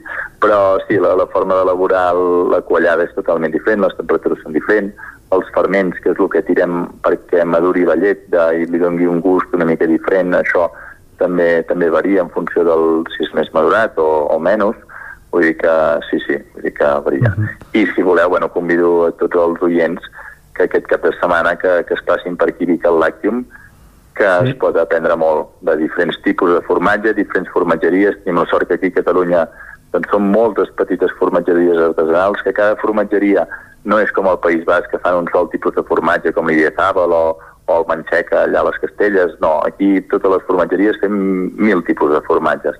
I, i la gent el que té, la, doncs la sort que té és això, que pot veure moltes varietats al làctim. Uh -huh. això, que, això que comentaves de que feu un bon grapat de, de formatges potser no ens donaria temps d'explicar de, com, com els feu tots però ens has dit que, que aquests de cabra de pasta tova són el vostre buc insígnia ens podries sí. explicar el procés d'elaboració perquè ens fem una idea? Sí, aquests, aquests són, són els més complicats, però vale. us ho explico. és, sí, eh, és, diguéssim, és una, una quallada àcida, uh -huh. és una pasta tova, el que en diem vulgarment, i és aquesta mm, llet, diguéssim, agafem la llet i la, la madurem a 24 hores amb els ferments. Està uh -huh. en una cuba, temperatura fixa, uns 30 i pocs graus, i després la tirem al quall i la deixem 12 hores amb el quall. I després, un cop ha quallat, diguéssim, el quall queda com, bueno, suposo que molta gent doncs, deu fer mató, ja sap que és la quallada, sí. doncs és com una natilla però més més espès, Després amb una cullera i uns motllos uh, fordats anem omplint aquests motllos cullerada a cullerada, és a dir, és totalment manual, totalment sí. manual. Un cop tenim, per exemple, no sé, 25 motllos, esperem mitja hora i els hem de tornar a reomplir, perquè el, el que és el suero de, de, del formatge, de, de la llet, va, va dessuarant, o sigui, va marxant i després es va anar baixant. Doncs perquè els facis una mica alts, doncs, durant tres cops t'has d'esperar mitja hora cada cop, una hora i mitja, i has d'anar omplint cullerada a cullerada. Després el deixes unes 12 hores a dintre el motllo i l'endemà el gires i, i el desemmotlles. Ja, ja se t'aguanta. Val. I després l'has de posar amb, amb calor, bueno, calor, 35 graus, més o menys, ambient, i durant 3 dies l'has d'anar girant matí i tarda. És a dir, és el nostre buc insígnia, però em sembla que són els més... Bueno, no, em sembla no, seguríssim, que són els que més feina porten. Mm -hmm. però els hi tenim molt carinyo i, i per això els continuem fent. Clar, durant 3-4 dies has de tenir una... has d'estar pendent completament del, sí, matí, del formatge. Sí, sí, sí, és, és com un nen petit, aquests, uh, és com, bueno, ja li diem els petits.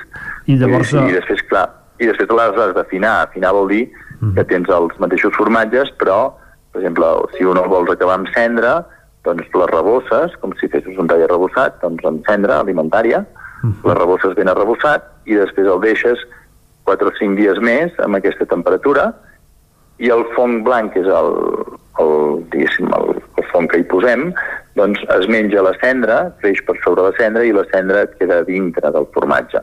És a dir, que quan fas el tall veus com un marc d'una finestra que és a la cendra. Uh -huh. Aquest és, és boníssim, aquest.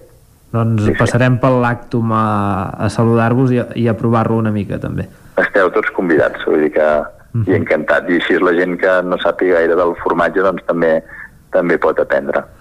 Uh, molt bé, moltes gràcies. Entenc que, que aquest uh, ja, ja seria l'últim pas, no? No s'ha de deixar, en aquest cas, el, el formatge aquest uh, un temps uh, en espera o, uh, o fent repòs? No, no, un, un, tarden uns, uns uh, 8 o 9 dies a fer-se. Després uh -huh. també depèn dels acabats. Si fiques a herbes potser costa una mica més d'acabar-lo que, el, uh -huh. que la cendra i el natural diguéssim, sense cap afinat de, o cap condiment, eh, és el més ràpid. I, però estaríem parlant de 8-10 dies, més o menys. Aquests són, són els formatges més ràpids que tenim. Mm -hmm. Esclar, després n'hi ha, per exemple, l'avenc, que li tenim quasi bé un any amb, amb una cova natural. I que aquest ja és un formatge madurat, bueno, és, és totalment diferent i és una peça. Els petits fan, 100, sí, fan 150 grams o 100 grams, depèn de si és el rodó o la forma de piràmide, i l'avenc fa 3 quilos la peça. Dir que és, és un altre concepte, mm -hmm. això. Eh, cada formatge és, és un petit món, pel que veig. Sí, tant, i cada formatger també. Vull dir que cada formatgeria tots tenim les nostres manies, les nostres inquietuds i mirem de, de, bueno, d'anar millorant constantment, ah, tot anava, plegat i anar innovant. Anava a preguntar sobre, sobre aquest formatge que, que ens has explicat uh, per anar acabant, amb què l'acompanyaríem o, o amb què ens, uh, què ens recomanes prendre'l? Sí, el, els petits i a vegades quan fem una cata o un maridatge o això l'acompanyem amb una marmelada de tomàquet mm -hmm. i, i està molt bé. I aquests petits si es deixen en film si sí. es deixen uns dies en film que no hi entri l'oxigen liquen, és a dir, es tornen com diu el seu nom és una pasta tova liquen i es tornen més cremosos. Mm -hmm després es, es poden arribar a untar amb una, amb una torradeta i després per sobre hi pots posar una, una marmelada de tomàquet i amb un vinet queda perfecte o inclús amb una, amb una cervesa ja també. Doncs ja tenim el maridatge sí, completament sí. fet per obrir una mica de boca abans de, de dinar o fer el vermut. Doncs uh, Pere, moltes gràcies per, per atendre'ns. Esperem que us vagi molt bé el, el lactum d'aquest cap de setmana. I, moltíssimes gràcies i us convidem a la gent a que us vingui a veure. Perfecte, doncs moltíssimes gràcies molt bé, fins aquí el territori sostenible d'avui. Nosaltres us deixem amb els companys de les emissores locals que ens explicaran l'actualitat dels nostres pobles i comarques. Doncs avui que el territori sostenible ha parlat de formatges, recordem que Lactium, no Lactum sinó Lactium, aquest cap de setmana a Vic, dissabte i diumenge, oi Vicenç? Ah, exacte, ja coneixem més un dels productors que hi trobarem. Doncs vinga, ara una pausa i tornem. Fins ara. El nou FM. Telepizza Vic, vine a descobrir les nostres ofertes. Tots els dimarts ens tornem bojos, pizzas mitjanes a un preu irresistible i tots els dijous, Family Days. Gaudeix tota la setmana del triple de Telepizza per 7 euros amb 25 cèntims cada una si les passes a recollir. Telepizza Vic, som a la carretera de la Guixa, número 12. Automòbils Pla de Vall. Som una empresa familiar amb 36 anys d'experiència en la compra-venda de cotxes nous, seminous i d'ocasió. Els nostres vehicles són completament revisats abans de la seva entrega al client, amb els manteniments al dia i amb garantia personalitzada. Finançament a mida del client. Vine a Automòbils Pla de Vall i t'assessorarem. Som a la carretera de la Guixa, número 1719 de Vic. Can Xalant Moda i Complements. Nova temporada primavera-estiu. Moda home-dona, nen-nena, sabates, bosses de mà, maletes, complements i molt més. Vine a veure, ens trobaràs una secció d'ofertes amb roba de la temporada passada a 10 euros i 19 euros. Vine a Can Xalant, ens trobaràs al carrer Sant Tomàs número 6 de Call d'Atenes. També a Instagram i Facebook. Cocodril Club. Si t'agrada la bona música dels anys 60, 70 i 80, escolta el 9 FM els matins de dissabtes i diumenges d'11 a 1.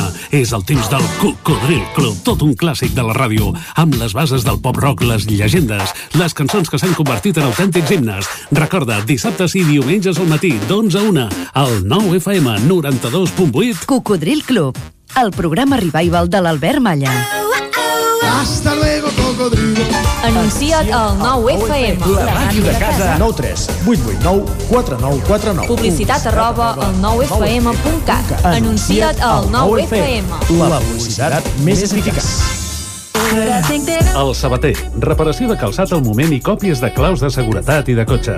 Esmolem tisores i ganivets, cosim pell i cremalleres, arreglem articles d'alpinisme i canviem soles de botes i sabates de muntanya i running. El Sabater. Som a la plaça Cris Rei número 1, al costat de l'església de Dalt Vila, de Manlleu. Telèfon 677 45 46 01.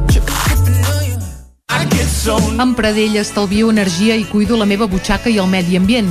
Posa't en mans de Pradell. Són experts en calderes de gas i condensació, estufes de pèl·let, energia solar, terres radiants, geotèrmia i aerotèrmia. Pradell instal·la calderes de biomassa per a particulars i per a empreses. Si vols estalviar un 50% en consum, contacta amb Pradell i passa't a les energies renovables. Pradell som a l'Avinguda Països Catalans 27 de Vic. Telèfon 93 885 11 97. Pradell.cat. El 9 FM. El 9 FM. El 9 FM.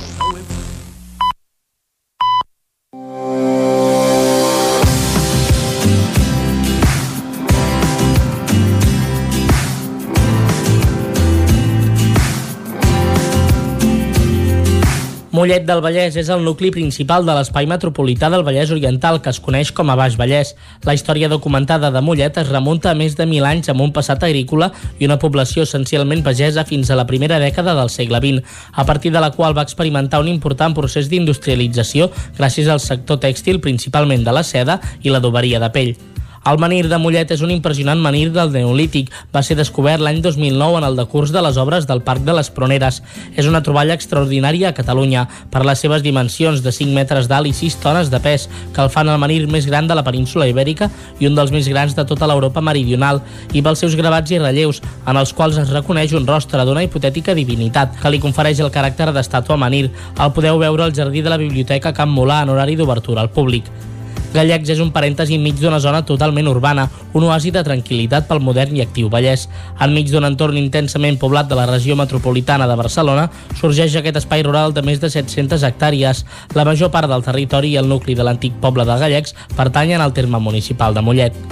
A Gallecs, la preservació de la natura i l'agricultura tradicional s'uneixen a la pràctica del lleure i la realització d'activitats d'educació ambiental.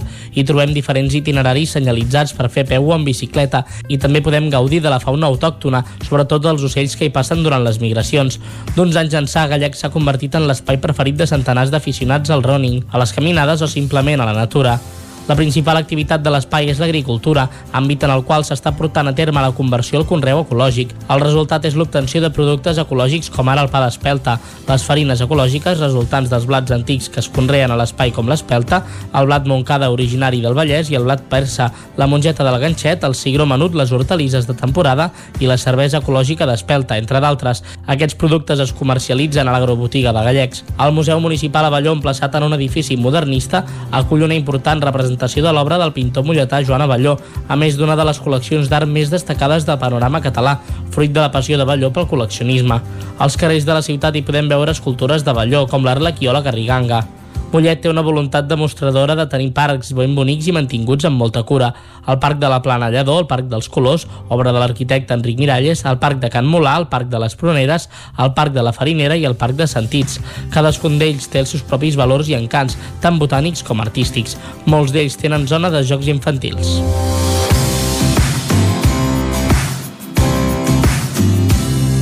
Territori 17 doncs Mollet, que més Ja enllà en del que sembla coses. quan passes per la C-17 i veus ciment i prou, doncs té altres atractius, i tant que sí. També hi passa l'R3, eh? Oh, i tant. A Mollet tenen la sort de tenir dues estacions. Ah, la sí? de la R3 i la de la R2. Quina deu anar millor. La seva versió en l'estació de Mollet Sant Fos, que Mhm. aquesta doncs, sí que és una línia de doble via, per tant, evidentment, no té ni punt de comparació amb la R3 i els entrebancs habituals. Doncs anem cap a l'R3, Anem-hi. des de Mollet o des d'on sigui, ens capbussem a la Trenc d'Alba. A Trenc d'Alba, edició pandèmia. Ara sense els usuaris que ens explicaven les seves desgràcies a la R3, però amb els mateixos retards i problemes de sempre.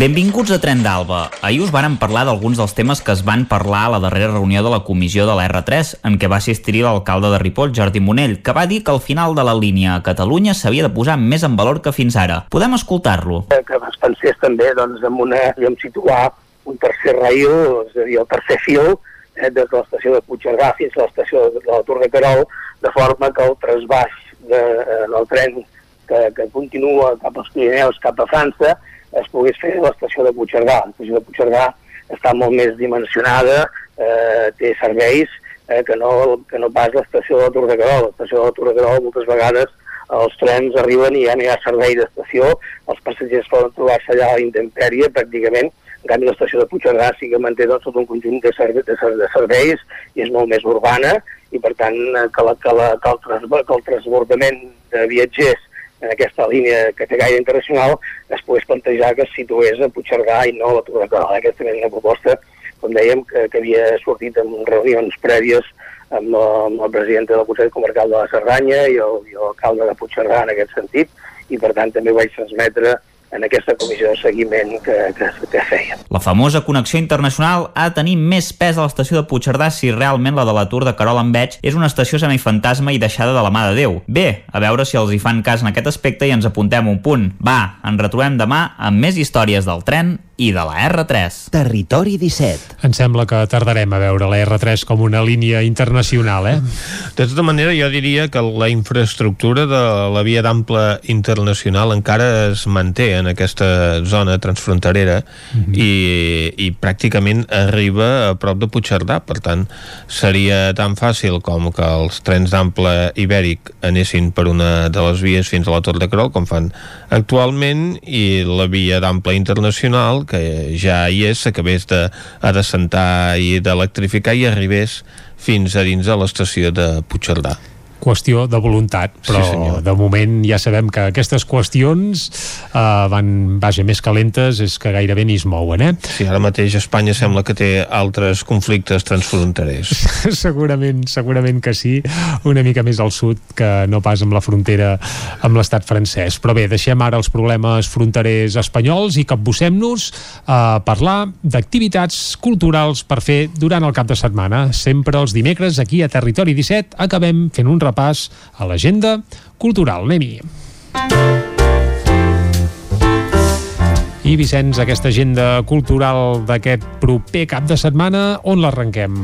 Doncs comencem a fer aquest repàs d'aquest cap de setmana cultural. No sé si serà tan extens com ho va ser l'anterior en número d'activitats, però sí que podem dir que aquest cap de setmana ja reobren alguns equipaments culturals que fins ara no programaven. Com, per exemple, la Jascava de Vic. Ah, exactament. Mm -hmm. Com la Jascava de Vic, que després de més d'un any de tancament tornarà a tenir música al seu interior. Però ara no anem a la Jascava. No, encara no. No hi anem encara. El que fem és anar cap a Cardedeu a parlar amb l'Òscar Muñoz. Bon dia.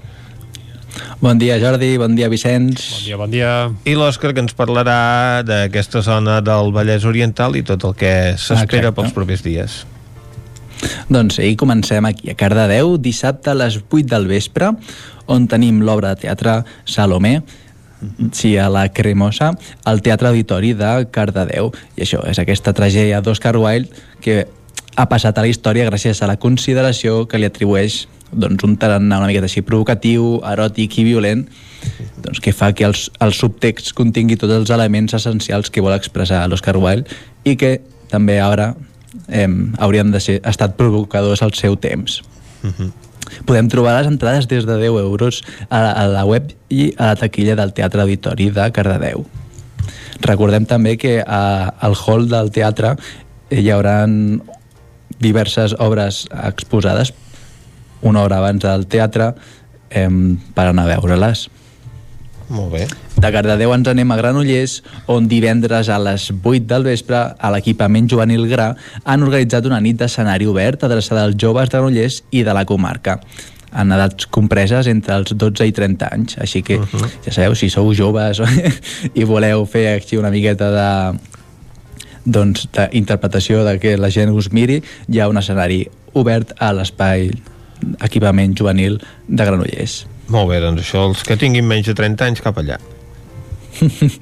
Dissabte a les 11 del matí eh, tenim la mostra d'art urbà La Roca Humbert, anomenada MAU, i això uh -huh. és un festival de creació contemporània amb la vocació de vincular el passat i el present de la fàbrica a través de, de realització de projectes artístics a diferents espais de la Roca Humbert.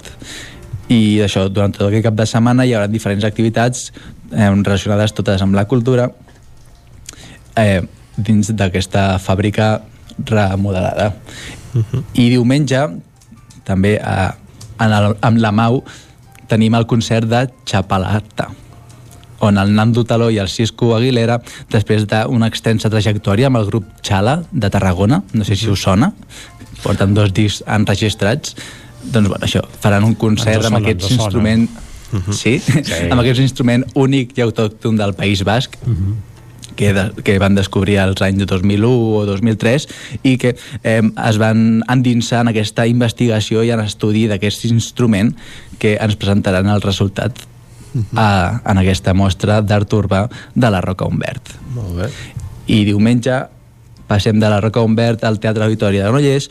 Diumenge l'Orquestra de Cambra ens farà una doble funció al Teatre Auditori la primera obra serà a dos quarts de sis, un concert familiar anomenat Codi Secret, uh -huh. on representarà l'obra del compositor rus Dimitri Chostakovich, que fart de les baralles i de les guerres i del mal rotllo, doncs va escriure aquesta obra impressionant, eh, on cada melodia amagava un missatge i doncs aquest espectacle eh, consisteix això, en des desxifrar quins missatges amagaven aquestes melodies. Molt bé. I després, a les 7, l'Orquestra de Cambra més el pianista Jordi Masó ens oferiran aquest concert per conèixer millor aquesta obra. I per acabar, ara ens anem a Llinars del Vallès, on diumenge a les 11 del matí, a l'exterior del Teatre Auditori, eh, hi haurà un micro Shakespeare eh, o serà una instal·lació per al públic mm, familiar i serà més divertida que un espectacle de sala, diuen. Val? I consisteix una miqueta, és una miqueta eh, difícil d'explicar això, però bueno, l'espectador serà darrere d'una capsa teatret i rebrà instruccions a través d'uns auriculars i doncs això, haurà de moure sense saber què està passant i això serà, és un espectacle molt curiós i dinàmic per tota la família. Bé, doncs ja ens explicaràs com funciona aquest curiós espectacle. Moltes gràcies, Òscar. A vosaltres. Anem ara nosaltres cap a una corinenca amb la Caral Campàs. Hola, bon dia. Caral, bon dia. quins actes es preveuen? Doncs mireu, sobretot us porto molta música, però començo amb una projecció d'un curtmetratge que serà aquesta activitat a Caldes de Montbui. El curtmetratge porta per nom OP32 eh, i està dirigit pel calderí Vicenç Ferreres i protagonitzat per les actrius també calderines Lola Rascón i Elisabet Esteve i per la pianista Daniela Birsa. I bé, és un curt eh, que va ser filmat a la Sala Noble de Can Rius el passat desembre i la projecció, les dues projektach projeccions seran en aquest mateix espai on va ser filmat, a la Sala Noble de Can Rius de, de Caldes. És un curt que tracta, entre d'altres temàtiques, la pandèmia de la Covid-19, la cultura i la immigració i està inspirat en la història real d'una de les protagonistes. Aquest eh, curt, com deia, es presentarà o es, project, es projectarà els dies 22 i 23, aquest dissabte i diumenge, el dissabte a dos quarts de vuit i diumenge a les 12 a la Sala Noble de Can Rius, de l'Espai Can Rius, que és el mateix lloc on es va rodar. I començo, obro una finestra, doncs, aquestes activitats eh, musicals que us comentava.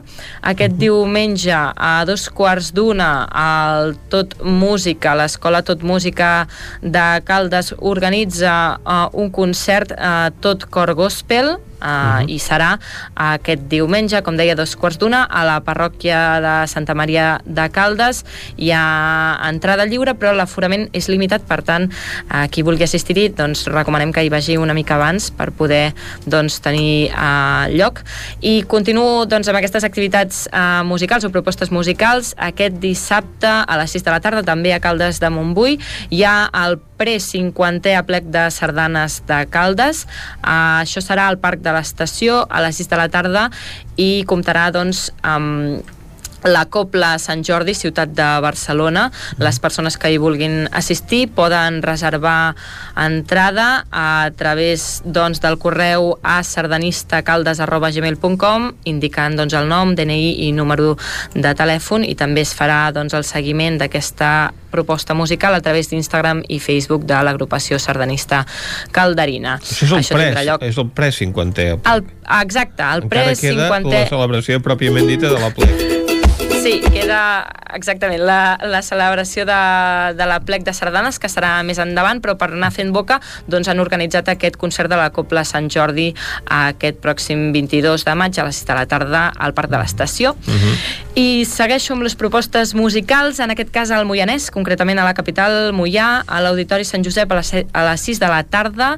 Uh, segueixen doncs uh, les activitats que proposen des de Joventuts Musicals del Moianès uh mhm. -huh. i en aquest cas hi haurà la interpretació de Duo Sánchez i Fortuny, un duo de piano a quatre mans que Carai. interpretaran doncs, obres clàssiques i l'entrada és, és gratuïta. Això serà, com deia, a l'Auditori Sant Josep a Mollà a les 6 de la tarda. Uh mhm. -huh. I eh, deixo de banda les activitats musicals per un moment per comentar-vos que aquest diumenge a dos quarts de 12 hi haurà l'acte de cluenda del concurs de teatre amateur Vila de Sant Feliu de Codines que, com recordareu, um, es faran doncs, dos, dues cluendes en una, la del uh, 27è, 27a edició i la de, de la 28a edició, perquè uh -huh. la de la 27a, doncs, com bé sabeu, no es va poder dur a terme per la pandèmia i, per tant, s'han unit aquestes dues Molt en una. Bé i seran doncs, aquest diumenge a dos quarts d'una al centre cívic perdó, a dos quarts de dotze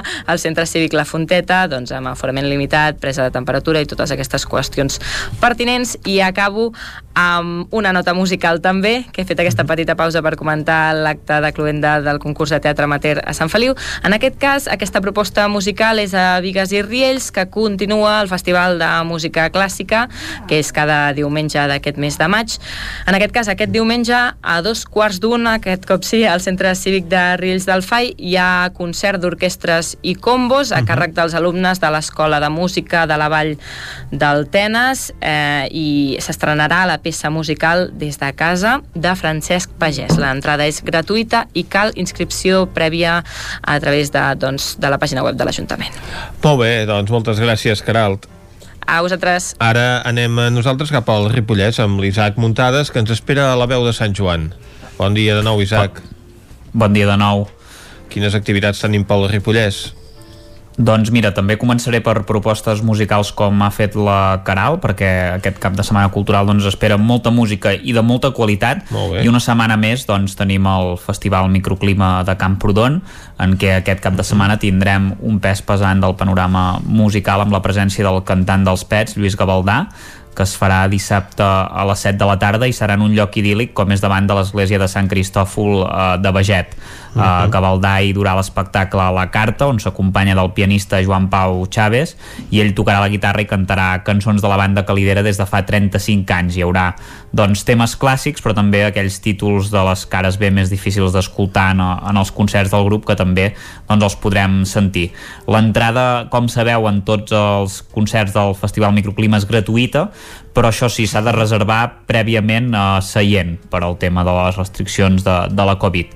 Uh, no deixem la música perquè Uh, la cantant Judith Nederman, com sabeu, no va poder cantar a Sant Joan el cap de setmana passat perquè ella mateixa va anunciar a través de les xarxes socials que s'havia constipat i, i tenia una afecció vocal, uh, però això no serà impediment perquè aquest cap de setmana sí ens presenti el seu nou disc Aire, serà aquest diumenge a les 6 de la tarda al SAT Teatre Centre dins del cicle d'hivern-primavera 2021 uh -huh. que ja sabeu que s'ha allargat amb, un, amb una quarta actuació uh, i bé, és una actuació que tindrà una durada d'uns 75 minuts encara hi ha entrades perquè se n'han uh, alliberat, per tant encara les podeu comprar i, i Nederman doncs, ens presentarà el disc Aire en un format acústic i sense uh, artificis juntament amb una selecció de les seves uh, cançons de sempre, és a dir, no només hi haurà cançons del, del nou disc, serà un concert íntim uh, com fa ella sempre. I bé, com ja sabeu les entrades, qui, la, qui les va comprar del dia 15 també seran vàlides i no caldrà fer cap gestió eh, en aquest cas, per tant uh -huh. qui vagi amb una entrada de, de la setmana passada podrà entrar sense problemes. Oh. um, no deixem la música perquè a Can Davant també n'hi haurà de bona amb un concert aquest dissabte a les 7 de la tarda a la plaça Anselm Clavé tindrem l'orquestra Salvatana uh -huh. uh, es tracta també d'un concert gratuït en aquest cas per tant uh, molt important això perquè és el, uh, això dels concerts gratuïts s'està donant molt últimament perquè també es fan un espai uh, obert però evidentment té un aforament limitat i per tant uh -huh. doncs qui vulgui assistir-hi ha de reservar uh, a l'Ajuntament de dilluns a divendres de 9 a 2 quarts de dues si s'hi si, si vol anar-hi i ara tornem a Sant Joan de les Abadeses perquè el periodista Sant Joaní Àlex Bosch, a qui ja vam entrevistar fa uns mesos a la Lletra Ferits, doncs ens presentarà el seu segon llibre, Prematur, 82 dies entre la foscor i l'esperança. Serà aquest dissabte a les 6 de la tarda al Palau de l'Abadia d'aquí de Sant Joan de les Abadeses i com sabeu doncs al llibre prematur l'Àlex Bosch explica les primeres setmanes de vida del seu fill Roger que ja sabeu que va néixer a les 26 setmanes d'embaràs, va ser un nadó prematur uh -huh. amb un pes de només 640 grams i durant 82 dies que d'aquí li ve el nom al títol va ser un pacient doncs, més de la unitat de nounats de, de la maternitat un període de temps doncs, que va ser molt complex per la família com ja ens va explicar ell i doncs, que hi va haver-hi molt patiment i també molta eufòria en el moment que el seu fill doncs, va poder sortir doncs, de la incubadora i bé, bàsicament la presentació anirà a càrrec de Josep Garriga, director del SAT Teatre Centre i del mateix autor, i també eh, cal inscripció prèvia a l'oficina de turisme eh, per assistir-hi. Després, eh, un parell de propostes de, de cinema perquè Uh, aquest diumenge a les 5 de la tarda al Casal Camprodoní s'hi presentarà el documental Balandrau Infern Glaçat que ja suposo que molts de vosaltres el, de veu, uh, el veu veure ahir a, a TV3 al vespre que, que el feien. I en aquest cas doncs, i, i n'hem parlat. I evidentment doncs a, a Camprodon com no podia ser d'una altra manera doncs a, es podrà veure perquè un dels seus uh, protagonistes en Cisco Carola doncs uh, és, de, és de Camprodon. Uh, i aquesta i bé serà doncs uh, aquesta presentació Uh, que bàsicament parlarà doncs, de la tragèdia que es va viure en el Balandrau i que a més a més uh, tot seguit hi haurà xerrada amb algun de, dels protagonistes del documental, per tant eh, és bastant interessant. Eh, les entrades eh, són gratuïtes, es pot entrar-hi sense haver de pagar, però com que estan, eh, hi ha un aforament limitat doncs, a causa de la Covid-19 doncs s'haurà de reservar prèviament a l'oficina de, de turisme de, de Camprodon. Per tant, uh -huh. doncs, una nova oportunitat per a qui no el va poder veure, doncs veure'l doncs, uh, pràcticament al cor, no, no diré d'on va passar perquè està, encara està uns quants quilòmetres del Balandrau de Camprodon, de fet el Balandrau, pels que no ho sàpiguen, està al terme municipal de Set Cases, però, però bé, com més a prop de, de la tragèdia també potser eh, es viu eh, més intensament. Eh, després, aquest dissabte al Cinema Catalunya de Ribes de Freser hi haurà a les 7 de la tarda en versió original subtitulada la pel·lícula Giovanna d'Arco d'Anna mm. Trepco i Francesco Meli. Pels socis l'entrada val 12 euros i pels no socis 14 i també hi ha, eh, si pagues 49, 49 euros et donen 5 entrades per compartir. I a l'entracte també hi haurà una copa de cava per tant sessió de cinema a Ribes. I acabem amb dues activitats de Ripoll que són abans del cap de setmana. Una és avui al Club de Lectura Juvenil per nens de més de 10 anys a les 7 de la tarda a la Biblioteca Lambert Mata en què també cal confirmar assistència i anirà a càrrec de Montse Maestre per llegir el llibre titulat El peix número 14 creu en l'impossible de Jennifer Holm i dijous eh, també a les 7 de la tarda i al mateix espai es parlarà de cinema amb Ramon Musac uh -huh.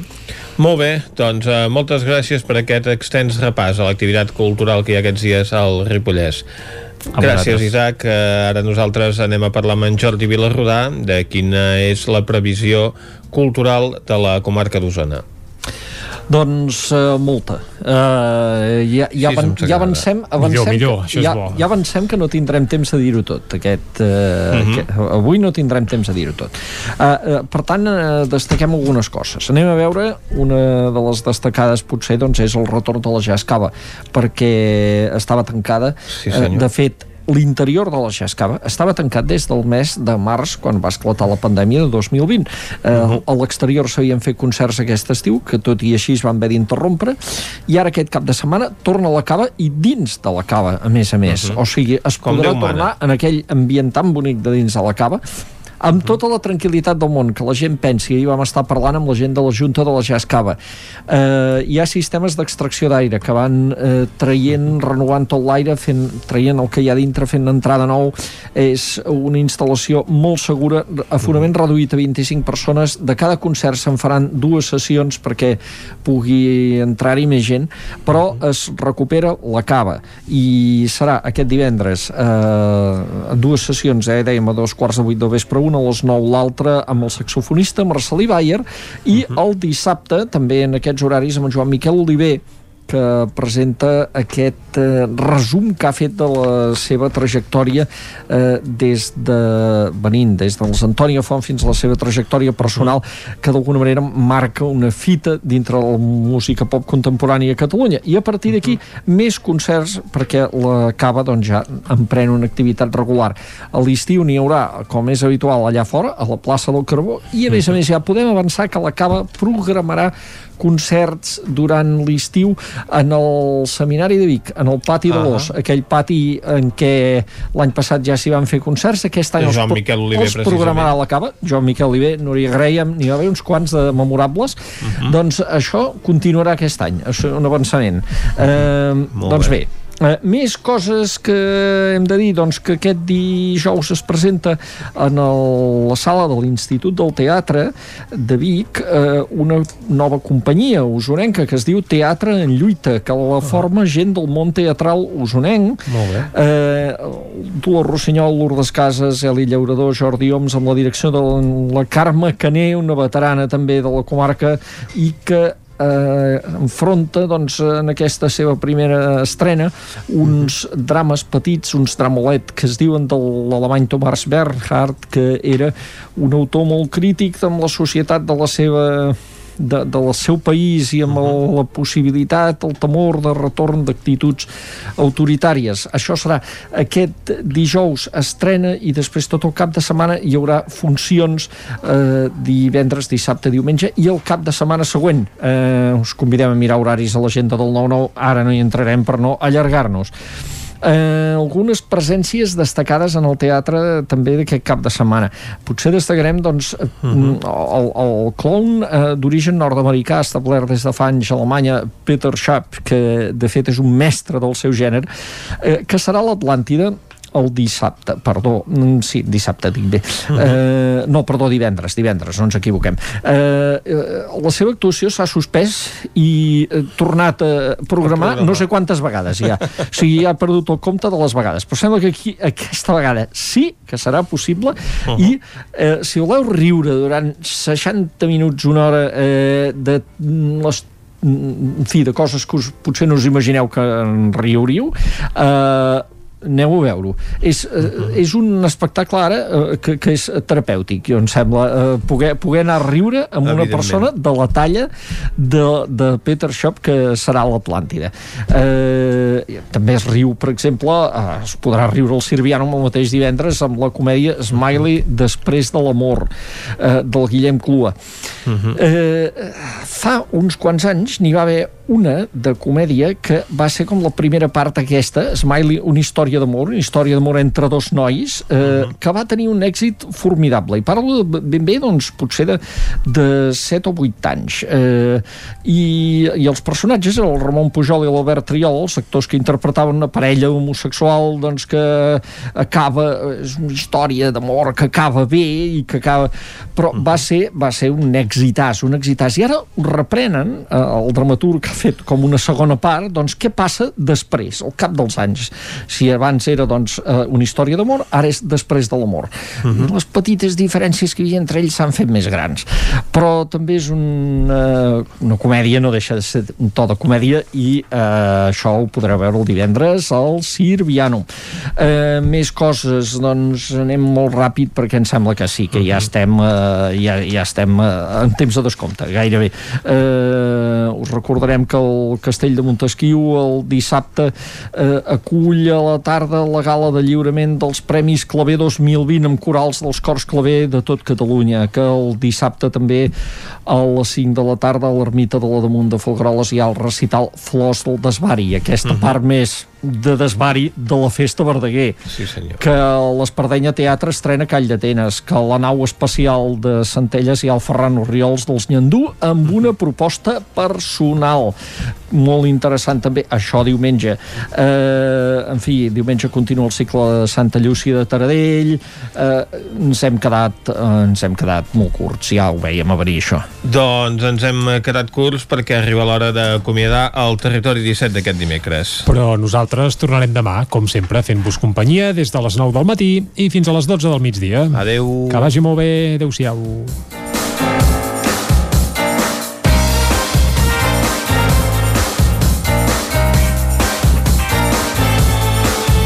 Territori 17, un magazín del nou FM. La veu de Sant Joan, Ona Codinenca i Ràdio Cardedeu amb el suport de la xarxa.